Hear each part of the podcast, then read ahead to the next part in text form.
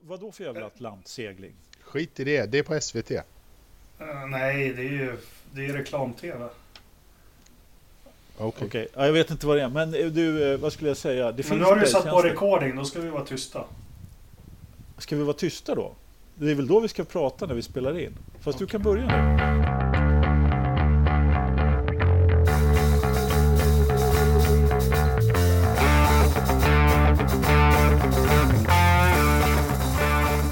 Forsa-podden avsnitt 59. Ridderstolpe och Lövström, välkomna. Tack så mycket. Tusen tack. Eh, vi har en diger agenda idag. Eh, väldigt mycket att prata om. Spa, Portland, cirkusen kring alla förare och sånt som händer. Ja, men det har varit en händelserik senaste fyra fem dagar. Eh, det här avsnittet också. Vi fick lite apropåer förra avsnittet att vi, vi är först. Sen så alla andra motorsportpoddar härmar oss och pratar om precis samma saker. Så den här veckan tänker vi låta de andra komma ut före oss. Ja men precis, vi kör och väntar lite till tisdag av eh, Ridderstolpe tekniska skäl. Precis. Hur är det i flyttbranschen Ridderstolpe? Ja, flyttbranschen rullar, rullar vidare. Mm. Det, det gör den. Går väldigt bra mellan Stockholm och Södertälje kan jag säga. Det är mycket som händer. Jag vågar väl påstå att då har man riktigt dålig ekonomi om man... Flytta från Extra Tumba knäck. till Södertälje kan jag Nej, säga. om man extra knäcker som flyttkarl. Alltså, ja, Ja. okej. Det gäller ju att betala sitt dyra leverne. Vet du. Ska vi köra igång då? Omkostnader. Jag tänker vi går direkt på så vi får avsluta i dur då. Antoine Hubert avlider i en avskyvärd krasch. Jag tänker på dokumentären för några år sedan i SVT Att dö i direktsändning. Vi var ju flera miljoner som fick uppleva det här och, och, och se det. Och fast vi vet att motorsport är, är farligt så man blir illamående och man blir chockad varje gång eh, det händer. Och som tur är så händer det väldigt sällan nu. Och det är kanske är därför man mår så hemskt dåligt när man, när man ser det. Men jag tänkte börja med först Antoine Hubert. Vem var det? Frågar du oss? Ja, Ja, vem var han egentligen? Han hade ju egentligen... Eh, han var en ung eh, fransk eh, racingtalang som hade vunnit GP3 och eh, ta, han hade tagit två, hunnit ta två segrar i F2. va? Mm. Han var en ung talang och Renaults utvecklingsförare. En ung pojke som hade hela livet framför sig och skulle bli världsmästare i Formel 1. Han hade lite, en del tu- tunga lopp här i F2 i år men eh, tyckte väl ändå att man gl- glimtade till liksom och var ändå på gång. Så att säga. Så att, eh, det, det, var väl, det är ju det som egentligen det jag känner till om honom sedan tidigare då. Ridderstolpe, har du haft någon bild eller skaffat dig en bild av honom nu efteråt? Jag har inte haft någon, eh, någon större bild av honom så. Liksom jag, nu när man ser på alla hyllningsvideos i, i efterhand och sånt där om hans racingkarriär och så, så ser man ju att han, han var ju i umgänge med, med Gasly och, och Leclerc och, och Con där. De var ju fyra stycken som tydligen hängde ihop eh, rätt bra. Så att, eh, och de, de övriga tre är ju i Formel 1 idag så att han var väl på, på väg dit han också. Mm. Och han hade ju han lyckades ju väl i de, om, de yngre kategorierna. Han, han raceade ju på bra och kom vidare och, och liksom Renault såg ju någonting i honom där i Formel 3 någonstans där de signade upp honom för den säsongen så att det var tråkigt så att Ja. se. För mig, det, jag har inte haft jättekoll på honom ska jag ärligt säga. Men jag kommer ihåg, jag måste leta upp den om jag hittar den någonstans. Jag kommer ihåg någon träning eller någonting i Baku i år. När han gör en helt otrolig räddning där mellan räckena. Men Eh, annars har man ju läst på nu, nu efteråt. Ja, det är ju äh, men det är, det är jobbigt när en ung går bort så här. Och sen så kan man hålla på och argumentera hur som helst att de vet vad de ger sig in på och, och så vidare. Men det, det är i alla fall ohyggligt. Men jag tänker, ska vi ta lite om, om olyckan i sig? Eh, Alesi eh, får, han bottnar ur i, i Oros Och eh, det blir en kedjereaktion. De två, tre bilarna efteråt klarar sig igenom och väja för honom. Eh, och sen kommer eh, Hubert och eh, ja, han väjer väl ut till höger och klarar sig inte. Och ut i räcket, studsar ut. Och sen har vi, ja nu tappar jag namnet på honom. Correra. Correra, ja. Han har ju punka när han kommer också. Kan inte manövrera sin bil. Och kör rakt in i sidan, en riktig Sanardi-krasch. Och, och, man förstod ju direkt, dels med att de filmade ingenting. De var väldigt snabba med att rödflagga loppet, så man förstod ju direkt att det var allvarligt. Vad, hur upplevde ni loppet, eller kraschen?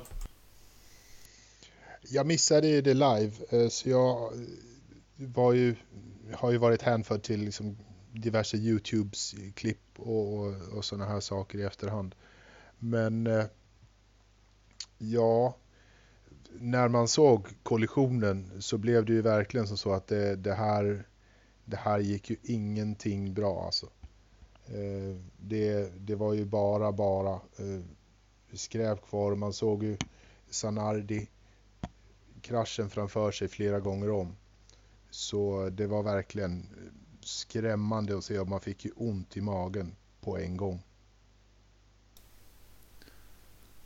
Ja, eh, nej men det är ju fruktansvärt naturligtvis när den här typen av olyckor är, är framme. Det, så är det ju.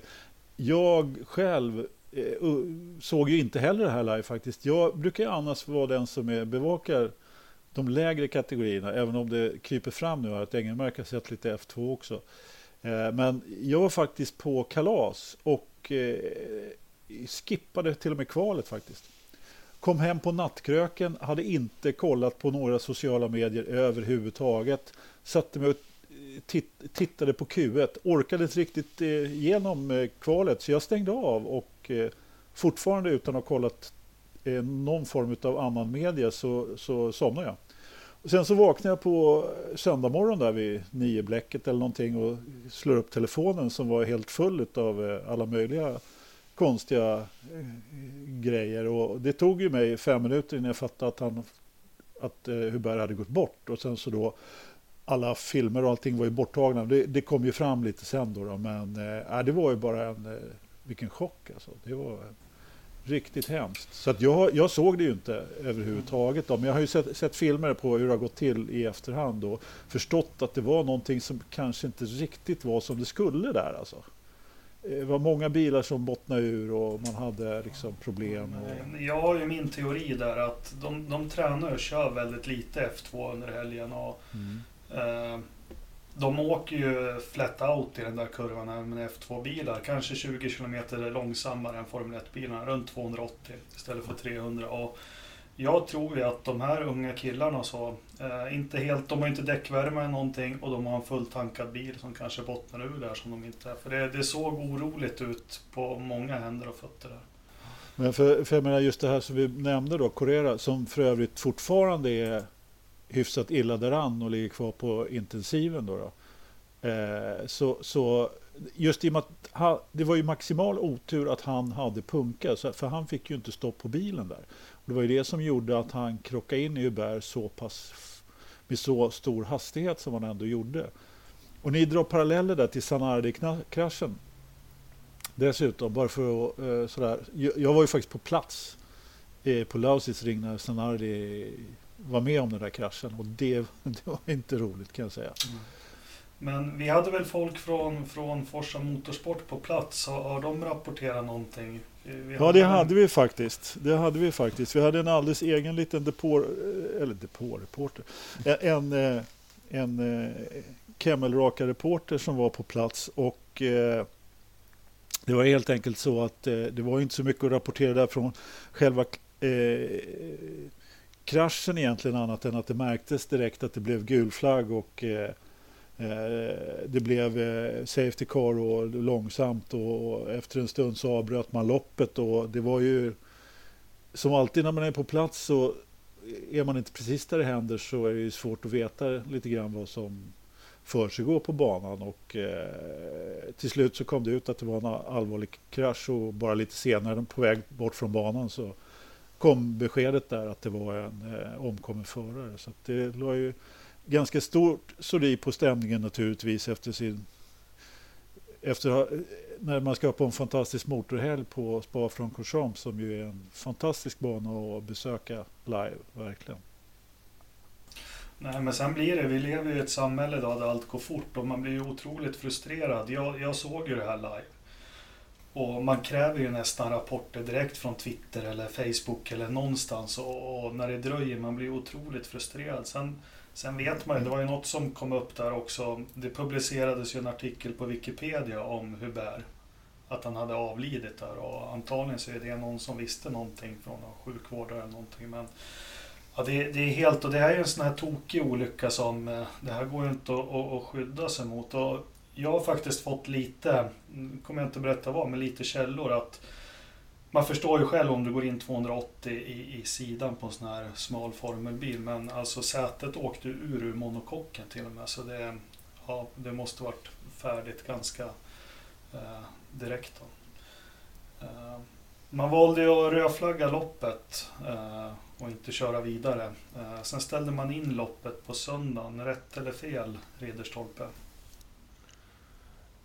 Lördagens eh, lopp var ju ingenting att köra vidare på tycker jag. Så det var väl, eh, det var väl en, en ganska mycket no-brain att inte köra samma dag kanske som, som den kraschen. Eh, tycker jag. Det här är ändå, det är barn, alltså det är 20-åringar eh, som det, det är mycket att ta in en samma dag. Sen för dem att, att svänga om i huvudet rent mentalt för att kunna köra racerbil igen i, i närmare 300 km i timmen. Det, det, förväntar inte jag mig av dem samma dag som en av deras kollegor har, har omkommit i en, i en svår krasch. Det, det tycker jag det kan man ge dem lite tid att bearbeta en stund.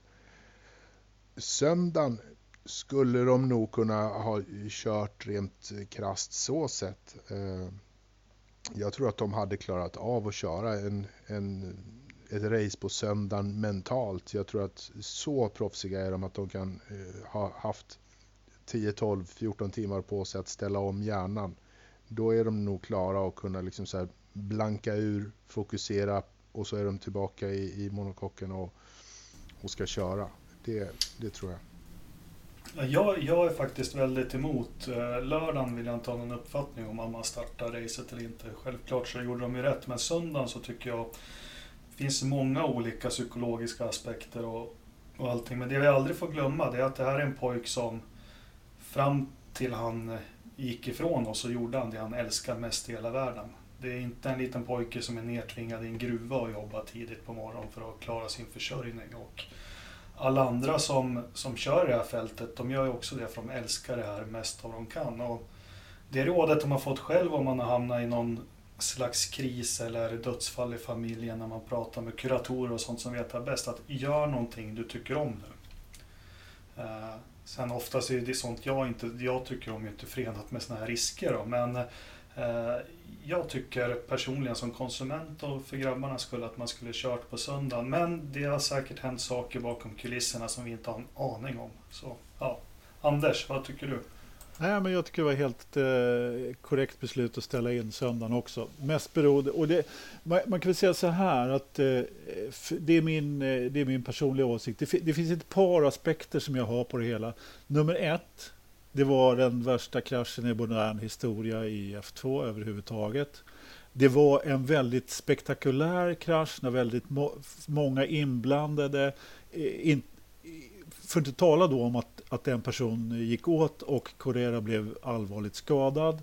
Eh, så var det väldigt många som var väldigt eh, skakade vid det här tillfället. Och här, här säger Ternström någonting väldigt bra tycker jag i vår eh, lilla grupp som vi pratar om och det är att här tar tävlingsledningen beslutet så att förarna ska slippa göra det. För det kan ju trots allt vara någon som, som i fältet som inte är tillräckligt eh, vad ska vi säga, och vill, inte vill köra men ändå känner pressen att göra det. Jag tror att det kan vara flera. Och det där är ju lite olika på hur snabbt man ska upp i sadeln igen. Eh, men sen är väl de flesta eh, som vet någonting om det att det är det man ska göra naturligtvis. Men det är trots allt bara en vecka till Monza. Jag tycker det var helt rätt att ställa in och avvakta eh, med det läget och den sinnesstämning som var. Det är min åsikt. Jag håller med om Ternström, för det tänker man inte på. Alltså uppe på den här nivån också. Jag tror ju det är ju stallen som säger det. Alltså, jag tror inte de godtar om man säger att jag vill inte köra. Och vi, har ju, Precis. vi har ju många historier. Ja, men Henry Toivonen till exempel. Han dog ju på grund av att Lancia skrev ett brev till honom att efter han hade vägrat och kört efter en olycka, de hade kört ut i publiken och så, då fick han att du kör när vi säger åt dig att köra. Och, och tyvärr Ja. var han sjuk där på Korsika, så där har Ternström också en poäng. Sen, sen vet ju inte vi, det här kanske handlar inte om det mentala, det kanske handlar rent ut sagt om säkerhet. Eh, Ja, Så jag är inne på, lite på det också faktiskt, helt klart. Att, att eh, man tog, och i sådana här fall så chansar man ju inte. Nej. Inte någonstans. Liksom. Nej. Men nu, nu kommer ju det här, nu har ju vi få förunnade tänkte jag säga, men man, man har ju Första dödskraschen jag upplevde egentligen själv så här, det var ju Ratzenberger och Senna. Sen eh, Paletti och de här, jag var ju för ung när det hände i början på 80-talet och man har ju läst mycket. Som vanligt när det händer något, eh, dra lärdomar. Alltså vi är ju amatörer, men vad, vad kan man dra för lärdomar av det här? Förutom att det är bra att alla får en heads-up hur jäkla farligt det här är. Vad finns det mer för lärdomar att dra? Jag tror att man kommer att, att, att dra någon form av tekniska lärdomar av det hela. Liksom, för man kommer titta på hur bilarna uppförde sig. I, jag reagerade väldigt mycket på att det var väldigt mycket bredsopa eh, på vägen upp i backen där. Jag tror att man kommer titta på det. Sen kommer man också och fundera på det som vi är inne på nu också, det, det mentala. Hur, hur ska man ta hand om de övriga förarna när det sker en sån här olycka? För jag vet inte om man gör vad man gör. Jag hoppas att man gör någonting. Men jag tror att där finns det nog någonting att, att kolla och, och fundera på hur kan eh, man från centralt håll försöka erbjuda någonting eh, som, som gör att förarna kommer tillbaka, kan, kan bearbeta det här på något sätt. För det är ändå liksom en, en, en väldigt, väldigt stor eh, grej i deras liv. Jag vågar påstå, jag tror motorsporten är, ja men det är fortfarande en massa plåtburkar som skramlar runt där. Jag tror inte Helmut Marko är så jäkla sentimental när sånt där händer. Jag tror Alain Prost har ju upplevt det här själv. Jag, tyvärr, jag har inget belägg för det, men jag bara gissar att man kanske inte är så här jättemjuk och erbjuder KBT och psykologhjälp och sånt direkt på plats. Eh, Anders, vad, vad tycker du man kan dra för lärdomar? Alltså jag håller väl med Ridderstolpe där. Jag, jag, jag, jag har inte riktigt hunnit ref- reflektera över lärdomar utan då, då spinner mitt huvud mest in på tekniska saker som egentligen är ovidkommande i det här läget. Eh, Ta Ja, någon då, någon teknisk Ja, men det är bara, jag tycker, nej men det här med, med att, eh, att jag, jag har för dåligt koll på vad som egentligen hände där uppe i Orange innan eftersom jag inte har sett så där jättemycket och de, det mesta är borta. Men jag tror att det var, det kändes som att eh, du är inne på, ditt, på något spår där Engelmark med att eh, bilarna bottnade ur och man inte hade kvar. I och med att det var både punka och bilar som bottnade ur och så vidare så tror jag att man behöver analysera det där mer i alla fall. Sen, sen, sen är det väl också så att bilarna är ju fantastiskt säkra idag och det där är ju i stort sett den smällen som man som är väldigt, väldigt svår att skydda sig mot när det går så där fort, alltså en T-bone. Eh, någon kör rätt in i sidan på en bil som står still och, och någon kommer i full. Det är ju de här- fullkomligt omöjligt. Ja, Ja, och som de här formelbilarna ser ut, de ser ut som en pil framifrån. Ja. Och de har ju ingen sido.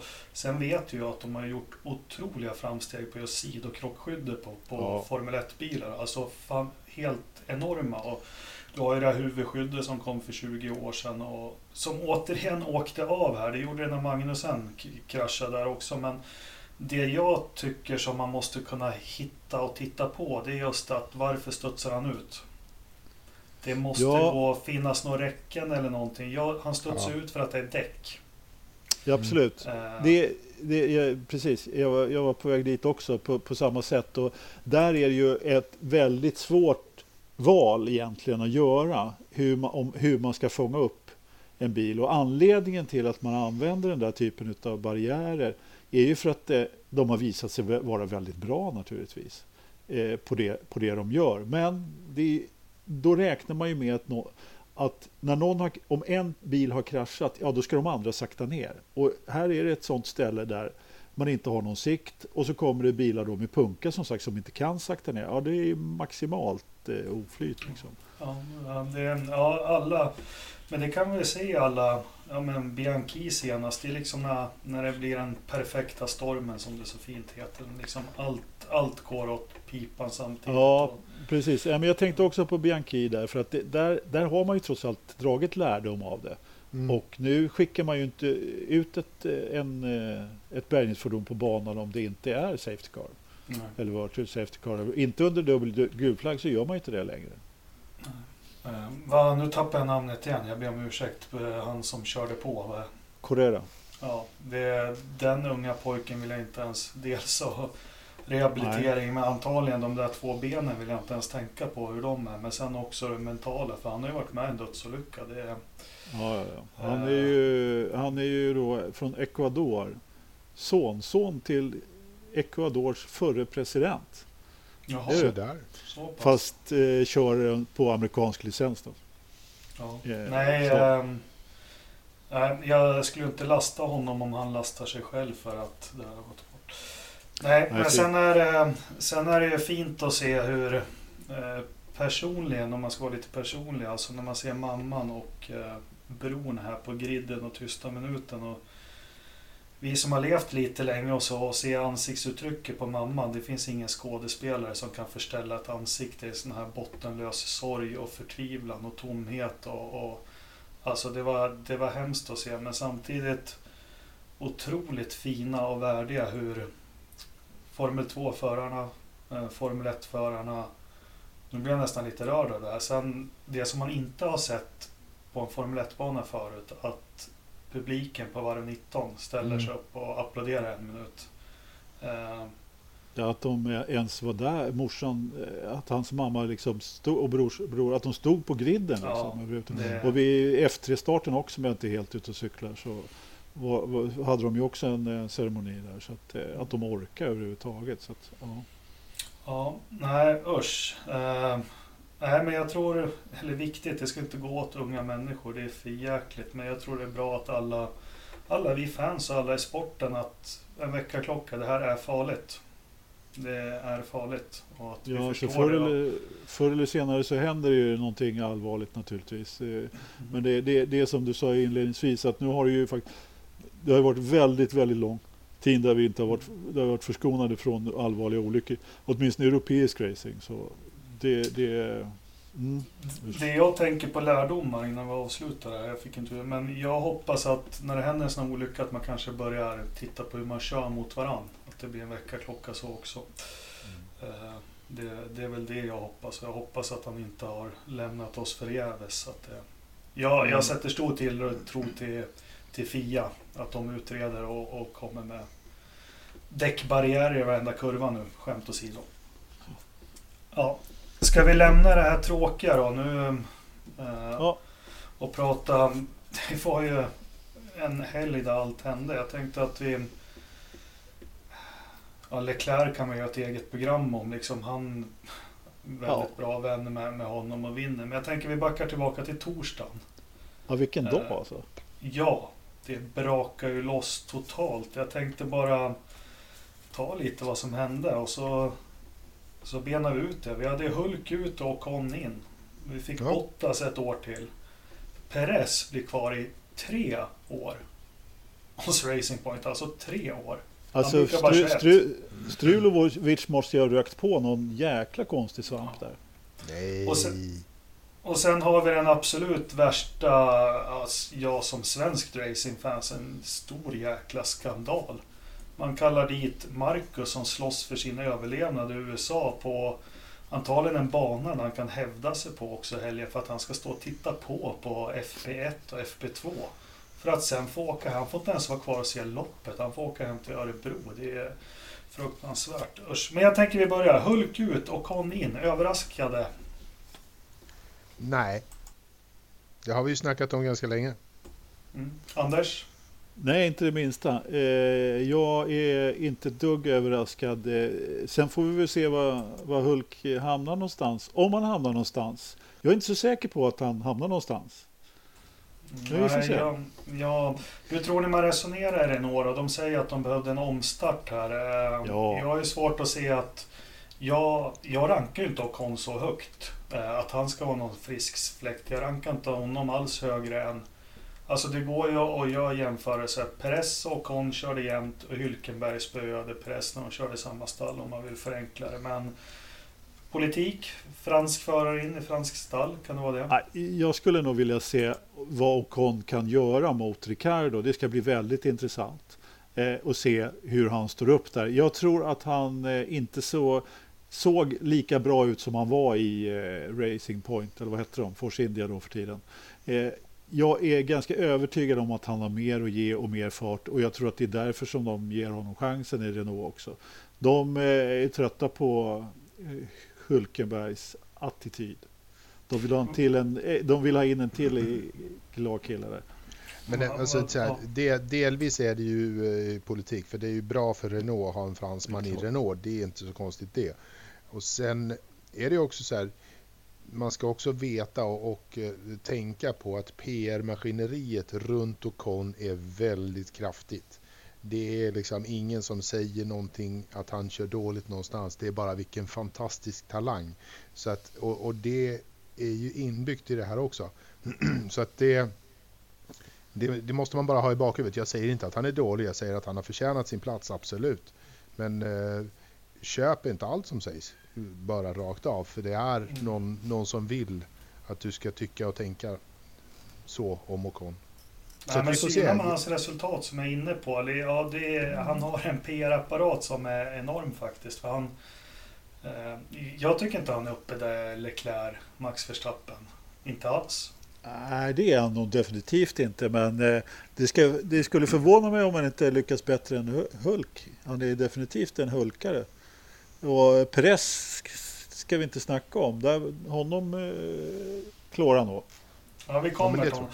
Eh, men Hülkenberg då, vart var tar han vägen? Det här har vi också resonerat. Jag, jag tror ganska starkt på Haas, men jag vet inte, vill Haas verkligen fimpa Grosjean? Kort, var hamnar Hülkenberg? I Haas, istället för Grosjean. Ja. Mm, nej, jag är inte ja. så säker på det. Nej. du säger inte var han hamnar. Nej, men jag vet faktiskt inte. Jag, jag, jag, han kan lika gärna åka ut. Jag har inget, jag har inget stalltips där faktiskt. Och, och Grosjean, han åker ut helt från, från cirkusen? Ja, jag tror att ja, ifrån Formel 1 åker han ut, ja. Jag tror inte han har eh, någon annan. De, de platser som finns kvar tror jag inte han är intresserad av att ta. Då kör han nog hellre Formel E eller någonting ett år innan han lägger av helt och tar hand om familjen bara. Mm. To it may... To who it may concern, fuck off. Bottas kvar ett år till. Ja, men det... Alltså nu när det är, när det är klart så, vad fan, det var väl inte snack om något annat. Och, och gör Mercedes rätt? Ja, jag tycker de gör rätt. Ja, det är klart de gör, men jag, jag har ju stora... Eh, så här, jag gick och funderade på, på det här tidigare idag. Och det är någon som har en katt i bakgrunden. Ja, det är Norrby som jobbar som, som fan. Jag, jag, jag, jag, jag smsade just frun så att hon får komma och hämta kattfan. Ursäkta. Det är så jävla lätt att hålla tråden när jag hör ett mjau. Jag skulle folk, precis stänga av micken. Folk som har katt är skumma människor. Men... Ja, det, det, ska vi kanske inte riktigt säga. Jag gillar katter. Ja. Uh, anywho, cat or no cat. Jag gick och fnudade lite då på, på Bottas idag. Och för mig så är Bottas mer och mer eh, kvar i stallet av samma orsak som Kimi var kvar i, i Ferrari. Den andra föraren vill ha honom där. Eh, mm. Så att Kimi var kvar för att Vettel tyckte att eh, han skulle stanna och lugnt, lugn i båten, sitt ner, gör ingenting.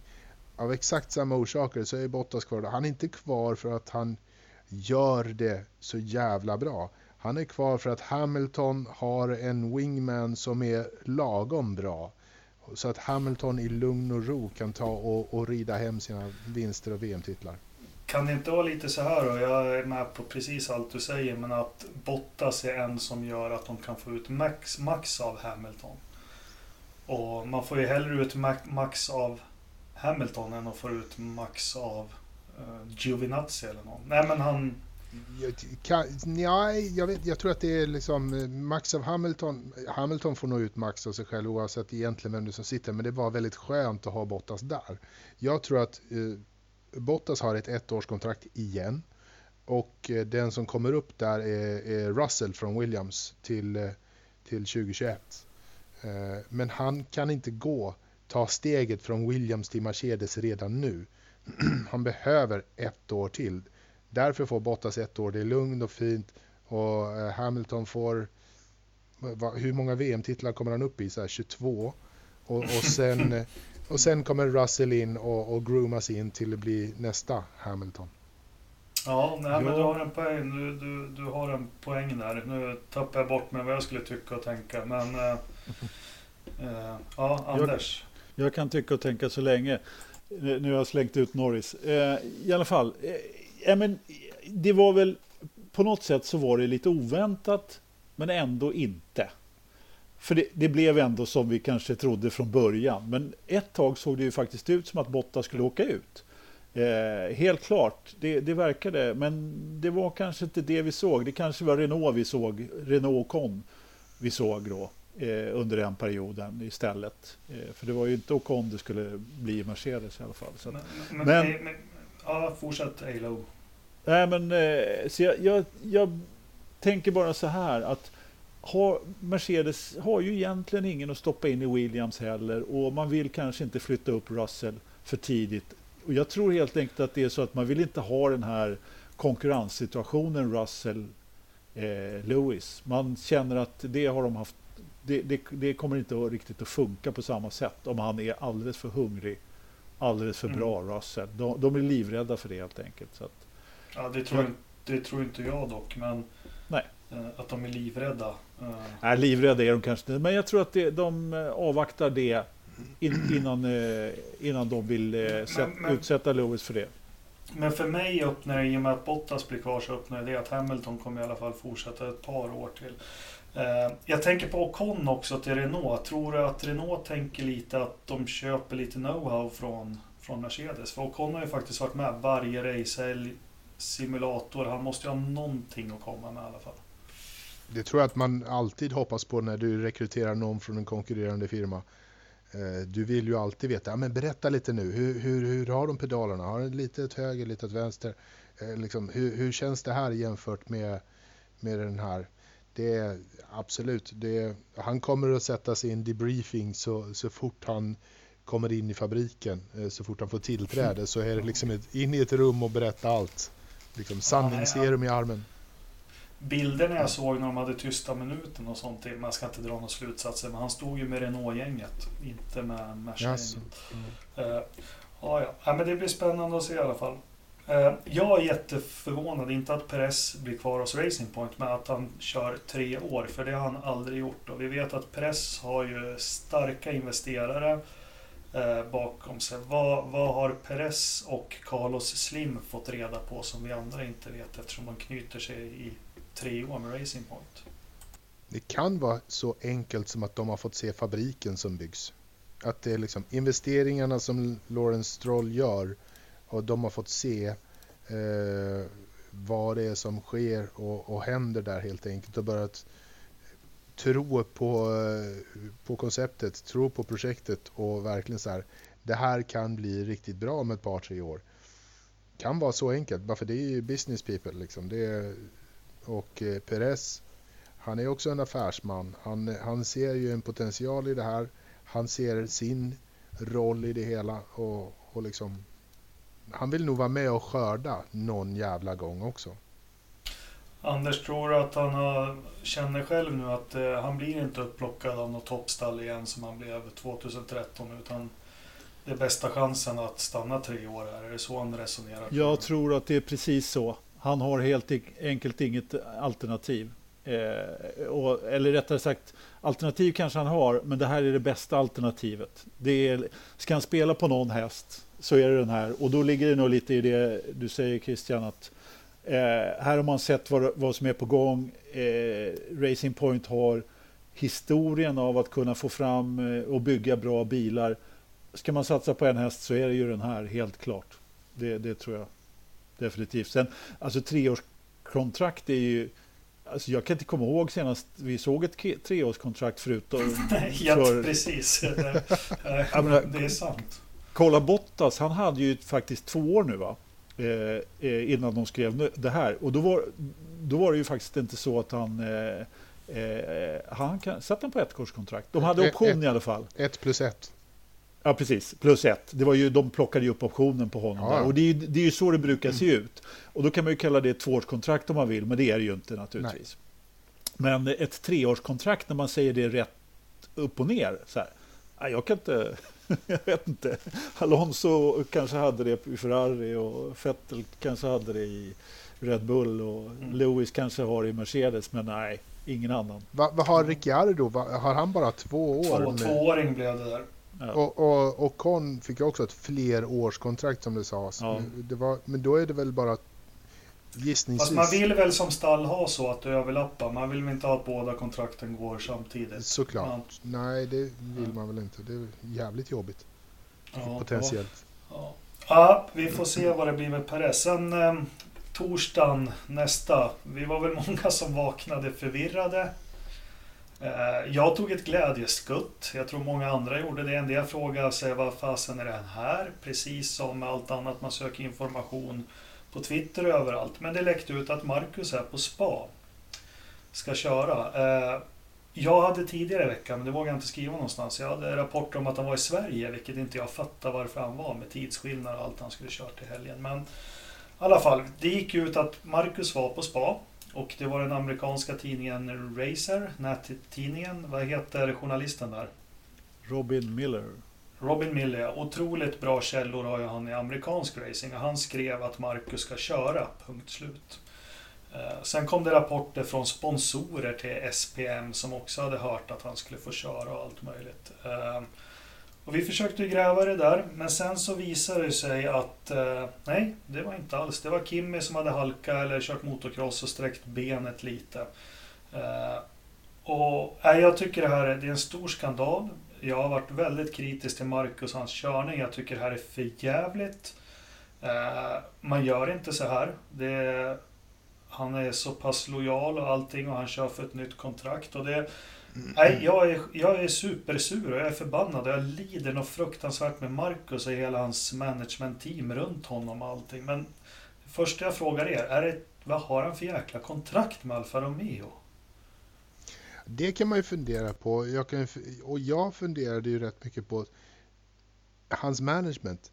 Vad, hur, hur har de agerat överhuvudtaget? Varför eh, sitter han så sjukt låst i att om Alfa blåser i visselpipan så måste han hoppa? Eller var det ett liksom var det verkligen så hett att Kimi inte kan köra? Då skulle man ju liksom se det så, men det är ingen i, i Marcus Management som egentligen har, har uttalat sig på något sätt om någonting här. Så att jag tror ju att Marcus Management har, har lite grann satt sig i ett jävligt blått skåp och det luktar ganska illa där inne just nu för att de verkade ju inte ha någon leverage överhuvudtaget att förhandla om någonting. Så fort det skulle komma ut att Kimmy kanske kan köra, dra tillbaka spelaren in i laget, flyga honom till Atlanten, vad fan som helst liksom och sätt honom i bilen där han ska vara. Nu satt han ju bara där. Jag kunde vara där. Jag hade fan varit precis lika nyttosam som, som Marcus hade varit där och tittat på, på racingbilar. Ja, glida runt i en Alfa piket Eller hur? Och, ja, ja. De hade inte haft någon jävla nytta av mig heller. Det som har kommit under dagen det är att Marcus, ja vem är hans chef då? Men Sam Smith. Uh, nu får ni ursäkta min dåliga engelska. I don't know, know for real what's going on over there. Uh, because I was told Raikkonen was totally out for this weekend, said Smith.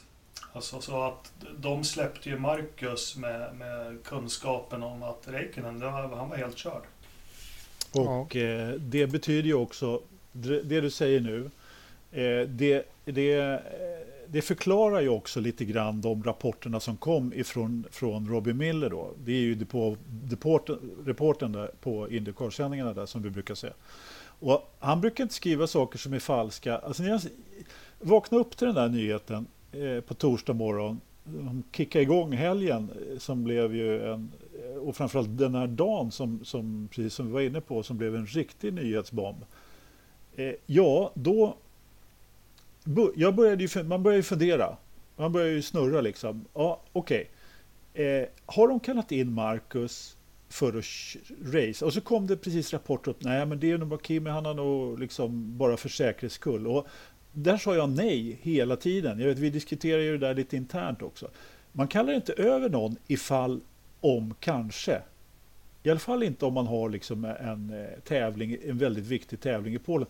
Jag kände att det låg några gravade ugglor här direkt alltså. Det var någonting som inte stämde i den här soppan överhuvudtaget. Och nu då så har det ju visat sig, eh, bland annat med din rapport där eh, Engemark, att det kom ut då att Sam Schmidt de har ju helt enkelt fått eh, den här informationen och jag tror inte att den kom så där sent. Utan jag tror att den kom tidigare och det var därför Marcus var siktad hemma. Han var väl hemma, hemma där, på, för i början, som jag har läst lite mellan raderna och förstått det så fick han ju då det här beskedet lite i början på veckan. Vilket eh, Kimmy då har talat om att han är skadad och så vidare. Och då var det verkligen så att han var, eh, han skulle inte köra helt enkelt. Det var det budskapet till Marcus. Och ja, sen då så nej. kom man till FP1 och så fanns och leka korvförsäljare. Men det är som vanligt, det är väl gamla Sauber-anorna där. De är inte helt smidiga med hur de lägger ut nyheter och sånt. Eh, Nej, du, han... du, ska få komma snart Ridderstolpe. Han fortsätter Smith här, eller Schmidt. Uh, He's pretty pissed because he wanted to be here and he's been driving very, driving very well lately so we are disappointed too. Så Smith säger att Marcus är alltid så trevlig och artig men han säger nu att Marcus är pissed. Ja. Eh, sen så fortsätter han dock bara att vi ville göra Alfa en tjänst så det är ingen big deal. Han är ju ändå bara 17 i mästerskap. ja.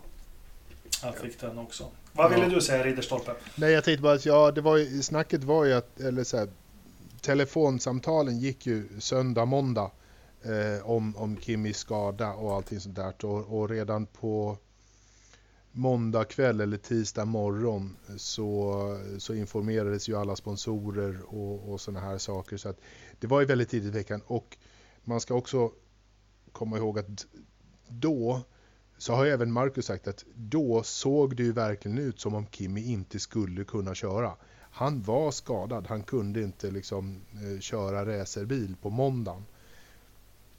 Okej, okay, I, I, give you that liksom. Men sen kommer det en onsdag. Det kommer en, en torsdag. Då mår ju Kimi helt plötsligt bra. Visst att Marcus finns i Belgien. Men då vet man redan där. Där vet eh, Fred Vassör vilken föraruppställning han har till, till lördag, söndag. Jag är övertygad om att han Kimmy han kunde säga poppa in ett par Alvedon om det skulle vara så, så hade han kört den där jävla bilen. Eh, det är på den nivån liksom att han klarade av det. Han var så pass bra redan på torsdagen, ge mig fan på det. Ja. Då skulle man ju bara susa iväg honom i ett privatjet över Atlanten och köra sitt race. Men ja. då måste vi också ta hänsyn till Conor Daly. Man har redan, SPM har redan kört om apparaten att Åh, vi har Conor Daly i våran bil den här helgen och de har liksom redan boostat honom och allting sånt där. Det får man inte heller glömma det finns två apparater som är igång samtidigt här. Marcus hamnade ju mitt mellan kugghjulen och där gör det ont att stå Alltså, där, jag kan bara flika in där att där hanterade ju SPM det som att Marcus skulle vara borta naturligtvis. Ja. Hade, man, hade man kommunicerat det här lite på ett annorlunda sätt, att ja, eh, vi får se hur det ser ut lite senare, men vi behöver nog Marcus här i helgen. Eh, kan ni ringa in en ersättare eh, så tar vi beslut på fredag.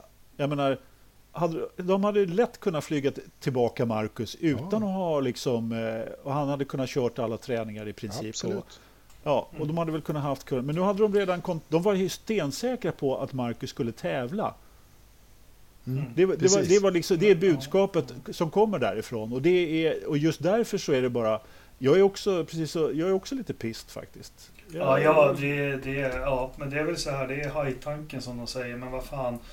Eh, men sen det, det vart ju, det hann ju vattnas lite i mun på en. Alltså shit, vad kan han göra på spa? Fan vad kul det är. Det är ja, han kanske har lärt sig något där borta som han tar över. Och, Och spekulationerna var jättehärligt. Det var väl Ternström som sa att eh, Kim i Alfa hade hört att han var vit hela semestern. Det var därför han var orolig.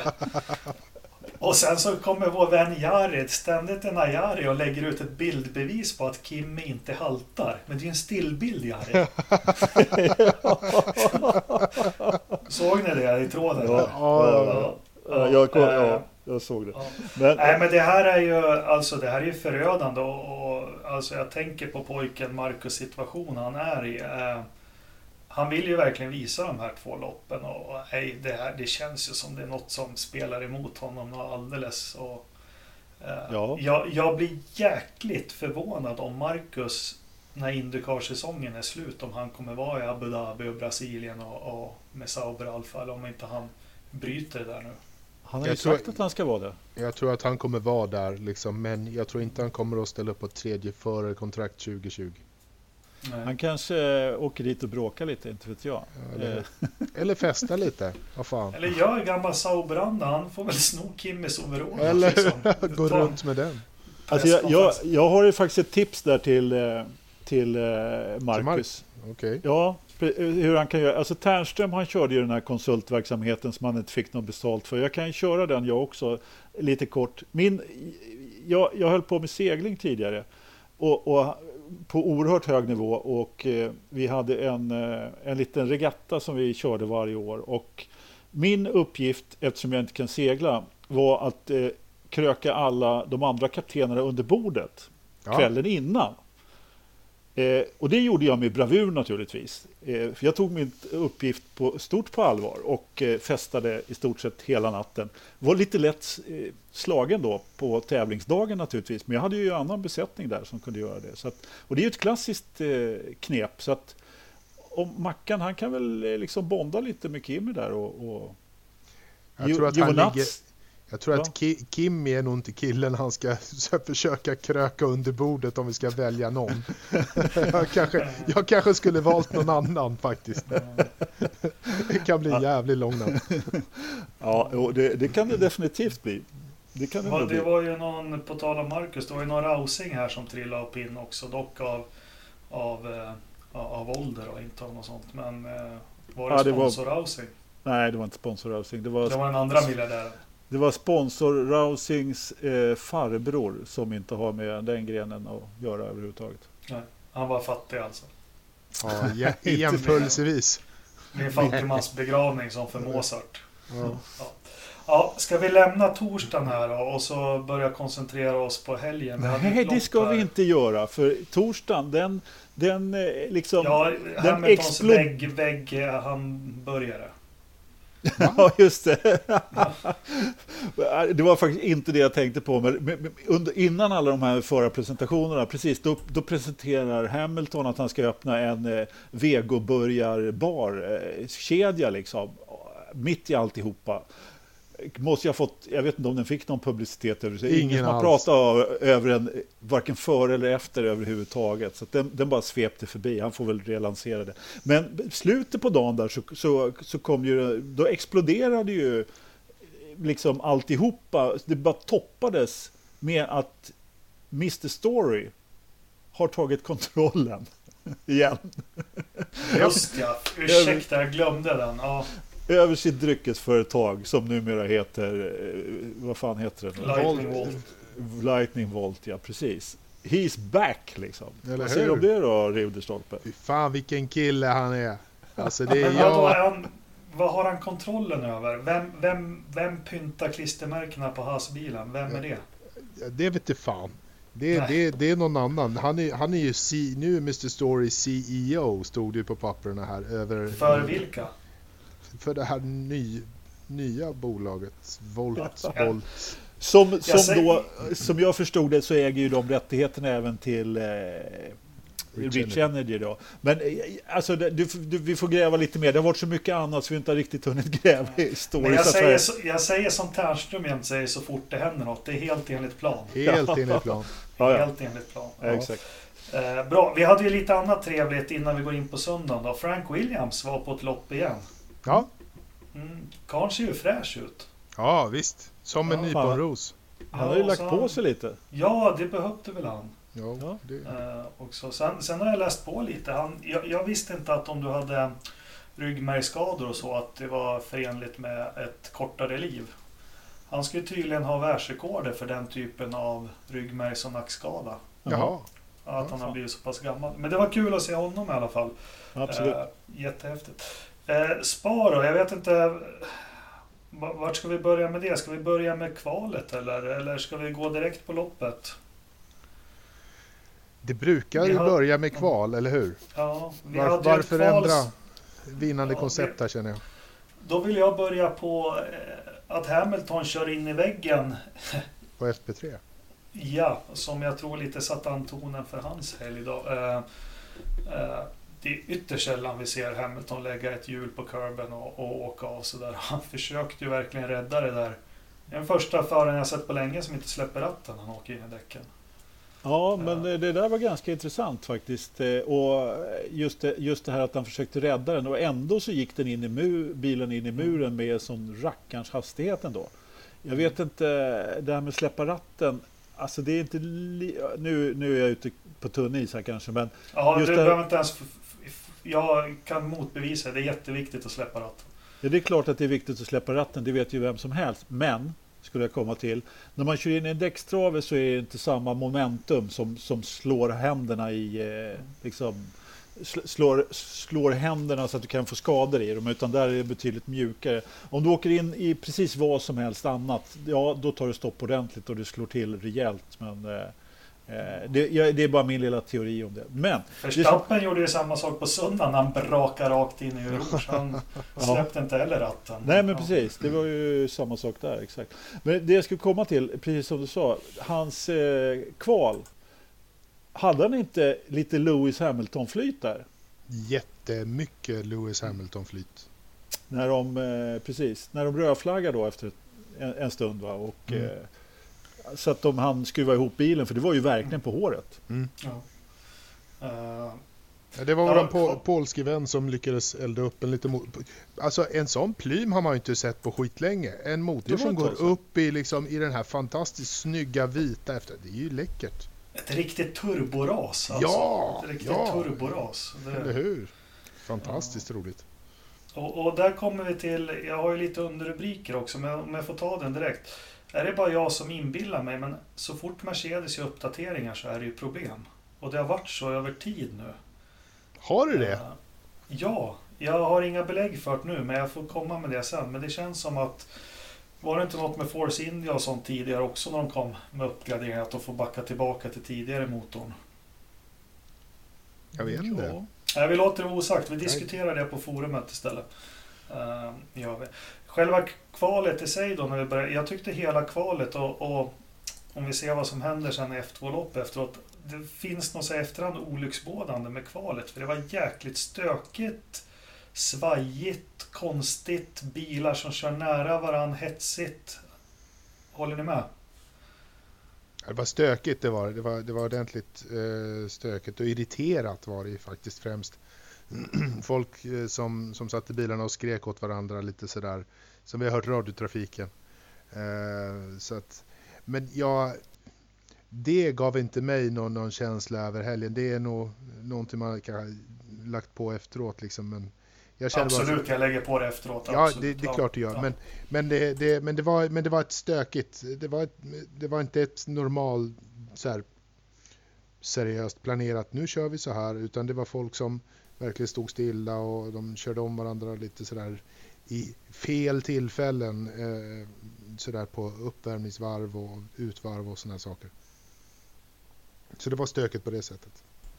Alo, du såg inte kvalet så du får inte yttra dig. ja, det är ju klart att jag såg kvalet. För det första, för jag var ju Du sa ju halv- nyss att du inte såg kvalet. Du började Live. ju sändningen med att du inte såg kvalet. Ja, men jag live. såg det inte live. Herregud. Ja, men då jag- kan det ju ha varit redigerat kval. Du, Det är klart det säger- kan ha varit. Ja, det kan ju ha varit Men- vilket men- kval som helst du såg. Ja, det vet man faktiskt inte. Dessutom så, jag var ju lite lätt påstruken när jag kom hem. Så jag, det var ju lite blurrigt Q1 då, då men jag, hade ju, jag missade i alla fall inte att det var rödflaggen där. Nej, men sen såg ju jag det på på eh, morgonen efter där och då hade jag ju hunnit se Hubers eh, olycka där så det var ju då var inte jag på något bra humör direkt så att ja visst de höll på att bråka lite grann där. Nej, jag var inte eh, alls, det, det var inget kul att se på motorsport då.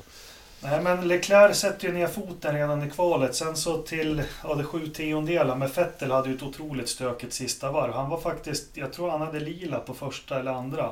Mm. Så han var uppe där. Sen händer det något i tredje sektorn och han säger att det var... Eh, han låser upp och grejer. Det är inte riktigt klarlagt. Men sju tiondelar. Hamilton gör väl det bästa han kan med situationen och bottar sig som vanligt. Eh, fyra då. Men... Eh, då började det pratas direkt om på vårt forum och överallt annat att det här kommer Ferrari ta hem lätt. Men den här helgen, för första gången på länge, så tittar jag på Formel 1 på det sättet man ska göra. Med analysera och ta reda på. Och racepacen på Ferrarin på fredagen var ju, alltså Mercan var ju mycket, mycket snabbare på långstintar. Så, yep. eh, eh, och det får oss ohämnat att komma in på söndagen då. Eh, jag tänker vi tar att Leclerc och hans första seger, vad den betyder. Men Eh, ska vi börja med starten där? För det, det händer ju saker direkt i början och det jag tänker på främst det är väl eh, Förstappen Verstappen visar gammal god form varför vi har ett ämne som heter veckans Verstappen. Han gör en urdålig start. Eh, sen så går meningarna isär vems fel det är med honom och Kimmy. För mig är det klockrent att det är Verstappens fel. Vad säger ni? Det är inget snack om det. Ja, han, han eh, missbedömer det, kommer för långt in, tappar, tappar tryck på framvingen och allt sådär. Så att oavsett om han skulle försöka bromsa så, så kunde han inte bromsa. Så han kör ju bara rakt in i Kim. Det är bara en Anders? Nej men han, eh, det är som ni säger, han, eh, han försöker kompensera sin dåliga start. De släppte, alltså, ljusen slocknade ju väldigt snabbt. Mm. Det var eh, nytt, eh, nytt FIA-rekord tror jag. Och... Ja men det är häftigt tycker jag, så ska det vara. Jag tycker det ska inte vara stat. För de, Regeln säger väl att den kan släppas inom tre sekunder eller något sånt där? Ja, det, det är faktiskt så att eh, den, mm. den släpper det, eh, vad heter det, random, alltså ja. Do, ja, slumpgenerator. Precis, som, som gör så att eh, vilken, hur långt eh, ljusen ska hållas. Just för att man inte ska chansa då, för, antar jag i alla fall. Och det var en reportage där för, för inte så länge sedan om hur man fick se eh, startsekvensen och hur det gick till då med, med det var, då var det ju Charlie som höll det och så vidare. Så det gjorde väl förmodligen, han var ju helt enkelt inte på tårna där och det är man ju inte riktigt van vid när det gäller Verstappen. Han brukar ju alltid göra riktigt, riktigt bra starter så att han eh, fick han, han, skulle helt enkelt kompensera det, överkompensera sig och det var Kimi som eh, som blev, eh, vet du, Måltavla. Offret, offret. Ja, precis. Exakt. Men det irriterar mig att mycket mm. genuina gamla racerförare, en del säger att det är 50-50 race incident. Och ah, det måste vara med Verstappen, alltså det han har gjort sista 18 månader i sin körning och mognat till. Det här var ju, nu var han tillbaka för okej, okay, dålig start. Han tar ju Kimmy när som helst. Om han bara bromsar 30 meter tidigare, låter Kimmy ta kurvan, så kommer han ta honom upp för backen. Det är liksom... Jag kommer ihåg behöver... förra året, Hylkenberg. Som, ja. Han bromsade liksom 50... ja, precis. Broms, det här var ju en sån grej fast på insidan i stort sett. Och det, var ju egentligen, det var ju bara en tur att det inte var fler som råkade illa ut egentligen. Mm. Ja, det, var ju, det var ju fler som gjorde. Ricciardo råkade illa ut. Och mm. där jag satt vet, tog... var, det i, var, det, var det verkligen i sekvens med den här? Kanske det var? Nej, det hände där. Men men sen Verstappen, han är ju skön också för han har ju en brusten vänster framme. Han går på fullt upp till Oroge och försöker ta den kurvan. Slutar. Och, och så, så nuddar han till Kimi lite där igen också. Ja, Kimi kom ju på utsidan av honom. Ja. Tänk om man hade plockat honom där också. Ja. Det hade ju varit, ja oh, herregud. Ja men det är men... bara millimeter ifrån att Kimi ska ja. få en luftfärd där. Det är usch. Ja, ja. Uh, uh, Ricciardo blir också lite påkörd och, och får fel på bilen. Då. Men eh, första varvet sen, det sätter väl Antonen då. Eh, Vettel och Hamilton fightas lite och mm. Leclerc går ifrån. Ja. Vad säger ni? Tar det i mål därifrån? Ja men det, Leclerc hade ju en, eh, han hade ju en fantastisk eh, helg i Ferrarin. Liksom, han var ju sjukt snabb nästan hela tiden. Eh, kvalet 0,7 och allting sånt där. Så att han visade ju direkt att han är tillbaka från semestervilan och, och Han ska visa vem det är som är nummer ett i Ferrari, helt klart nu. Nu ska han... Och, och det var det han gjorde. Han, han körde skiten ur Vettel i, i söndags. Det var åtta. Släpp, släpper proppen för honom nu? Vi har ju pratat om proppen här nu. Jag hoppas det, jag hoppas det. Bara för han är, han är så mogen och han är så koncentrerad och fokuserad. Så nu, nu hoppas jag att han själv känner att nu är det klart. Eh, det, här, det här kör jag i mål själv liksom. Mm. Han hade nog ganska stor respekt för Vettel i början på året. Eh, sådär. Men... Eh, ja. Vi får ju se redan nästa helg. Jag tycker det avslöjas, nu ska vi inte vara drastiska, men jag tror på söndag nu, då kommer vi verkligen få se vad Vettel är gjord av. På ja. riktigt, för första gången. Ja, du sa, uh. Ni sa väl det för några, några helger sedan när, när liksom gamlingarna kom tillbaka att Vettel satte ner foten ordentligt om det var i Baku eller någonting där han verkligen så här eh, eh körde... Montreal. Montreal, okej. Okay. Eh, där, han, där han verkligen så här, nej nu jävlar det här är, är, är mitt. Det kanske var sista andetaget. Eh, eller så, jag vet inte jag. Det, Dödsryckning liksom. Nej, vad fan vilken helg. Så kan vi inte hålla på. Vi kan inte säga nej, så om den här helgen. Nej, fan, förlåt. Det var dåligt av oss beep. alla. Ja, beep. Men, ja, nej, men, men... Jag, jag tror ju att nu, nu börjar ju Leclerc ta över på riktigt. Mm, nej, jag vill, inte, jag vill inte, jag tror det kan bli så, men eh, alltså, det ska bli otroligt intressant att se vart, om det här vänder eller vart det landar. Men glöm inte att Vettel har tagit fler poäng fortfarande. Det har han definitivt. Eh, mm. Leclerc har ju haft lite brutna lopp och grejer här. Så att, eh, mm. det är fortfarande... Ja. ja, förlåt Anders. Äh, det är fortfarande lite strid på kniven där, det har du helt rätt i. Alltså, jag skulle inte räkna ut Vettel riktigt än, även om jag var, han, han, har ju varit en klar besvikelse i år måste man ju säga. På samma sätt som Ferrari har varit en stor besvikelse. Sen, sen är det klart att när Ferrari har varit en besvikelse så har ju Leclerc inte riktigt kunnat eh, eh, inte riktigt kunnat leverera det han skulle göra. Jag undrar verkligen killen en seger så han får festa lite ordentligt också, få fira lite. För det här var ju inte mycket att fira, jag säga. Ja, fast jag tror inte han är på åt pip återigen. Nej, men han, eh, missförstå mig rätt här liksom. Ja. Det, det, det lär nog komma fler segrar där. Men definitivt. han är ju av den kalibern som jag tror han bara har festa och fira. Nej, han bockar av. Nu är det här gjort. Ja, nej, jag menar... Jag, jag, jag menade, som, ja. ja. jag menade mer liksom att eh, få, få visa eh, få visa på podiet liksom på, på det sättet. Det var så jag menar och, och, just i och med att det var så, helgen var som den var. Men samtidigt så är det ju så att eh, han, om det är proppen ur eller inte, det är naturligtvis jättesvårt att veta men eh, alltså om jag vet inte, det var kallt som pip på, mycket pip här idag. Det var ju kallt på söndagen där jämfört med både fredagen och lördagen. Och våra, enligt vår reporter på plats där så var det liksom 13 grader i luften där på, på söndagen. Och jag vet inte hur mycket, mycket det hade att göra med farten överhuvudtaget. Jag menar, Men det, Ferrari hade ju första sektorn och det, det är liksom mm. eh, Merca hade andra sektorn. Och Hamilton fick ju aldrig liksom hugg för de var alldeles, alldeles för snabba där i första sektorn. Så han kunde inte ens komma nära så han kunde göra inte ens med DRS. Men alltså jag, jag kände Hamilton och Mercedes och nu har det varit så några. Jag kände en viss eh, nio tiondelar på dem. Mhm. Det var ett långsamt depåstopp. Alltså de tappade en sekund där. Nu har inte jag lyssnat på den här eh, debriefen de gör med han, vad heter han? Alice Walsh. Ja just det, precis. Den brukar vara jätteintressant. Men, och det är lätt att sitta och döma i soffan. Men jag gick in och kollade på tiderna för jag, jag tyckte varför tappar han så jäkla mycket på depåstopp? Han tappar ju på invarvet sista sektorn och så tappar han enormt på utvarvet första sektorn mot Leclerc. Det ihop med att de har 1,3 sekunders längre depåstopp gör ju att hela det här, alltså skulle mm. de kunna gjort det här lika fort då skulle nog Hamilton vunnit för Leclerc var på gränsen där med däck och allt och jag undrar varför eh, varför lyckas en ledande bil göra en undercut på en bil som är tvåa? Det är inte något vi ser så ofta, eller hur? Nej, verkligen inte. Och, alltså, det, det, det, nu vet jag inte vad jag ska säga. Nu stakar jag mig helt och hållet. Jag hade något oerhört vikt, viktigt och bra som jag skulle säga. Men Men precis det du säger, ja, men en undercut, det, det är helt klart. Från vår reporter på plats där fick jag liksom att man såg verkligen hur hårt Hamilton laddade på slutet.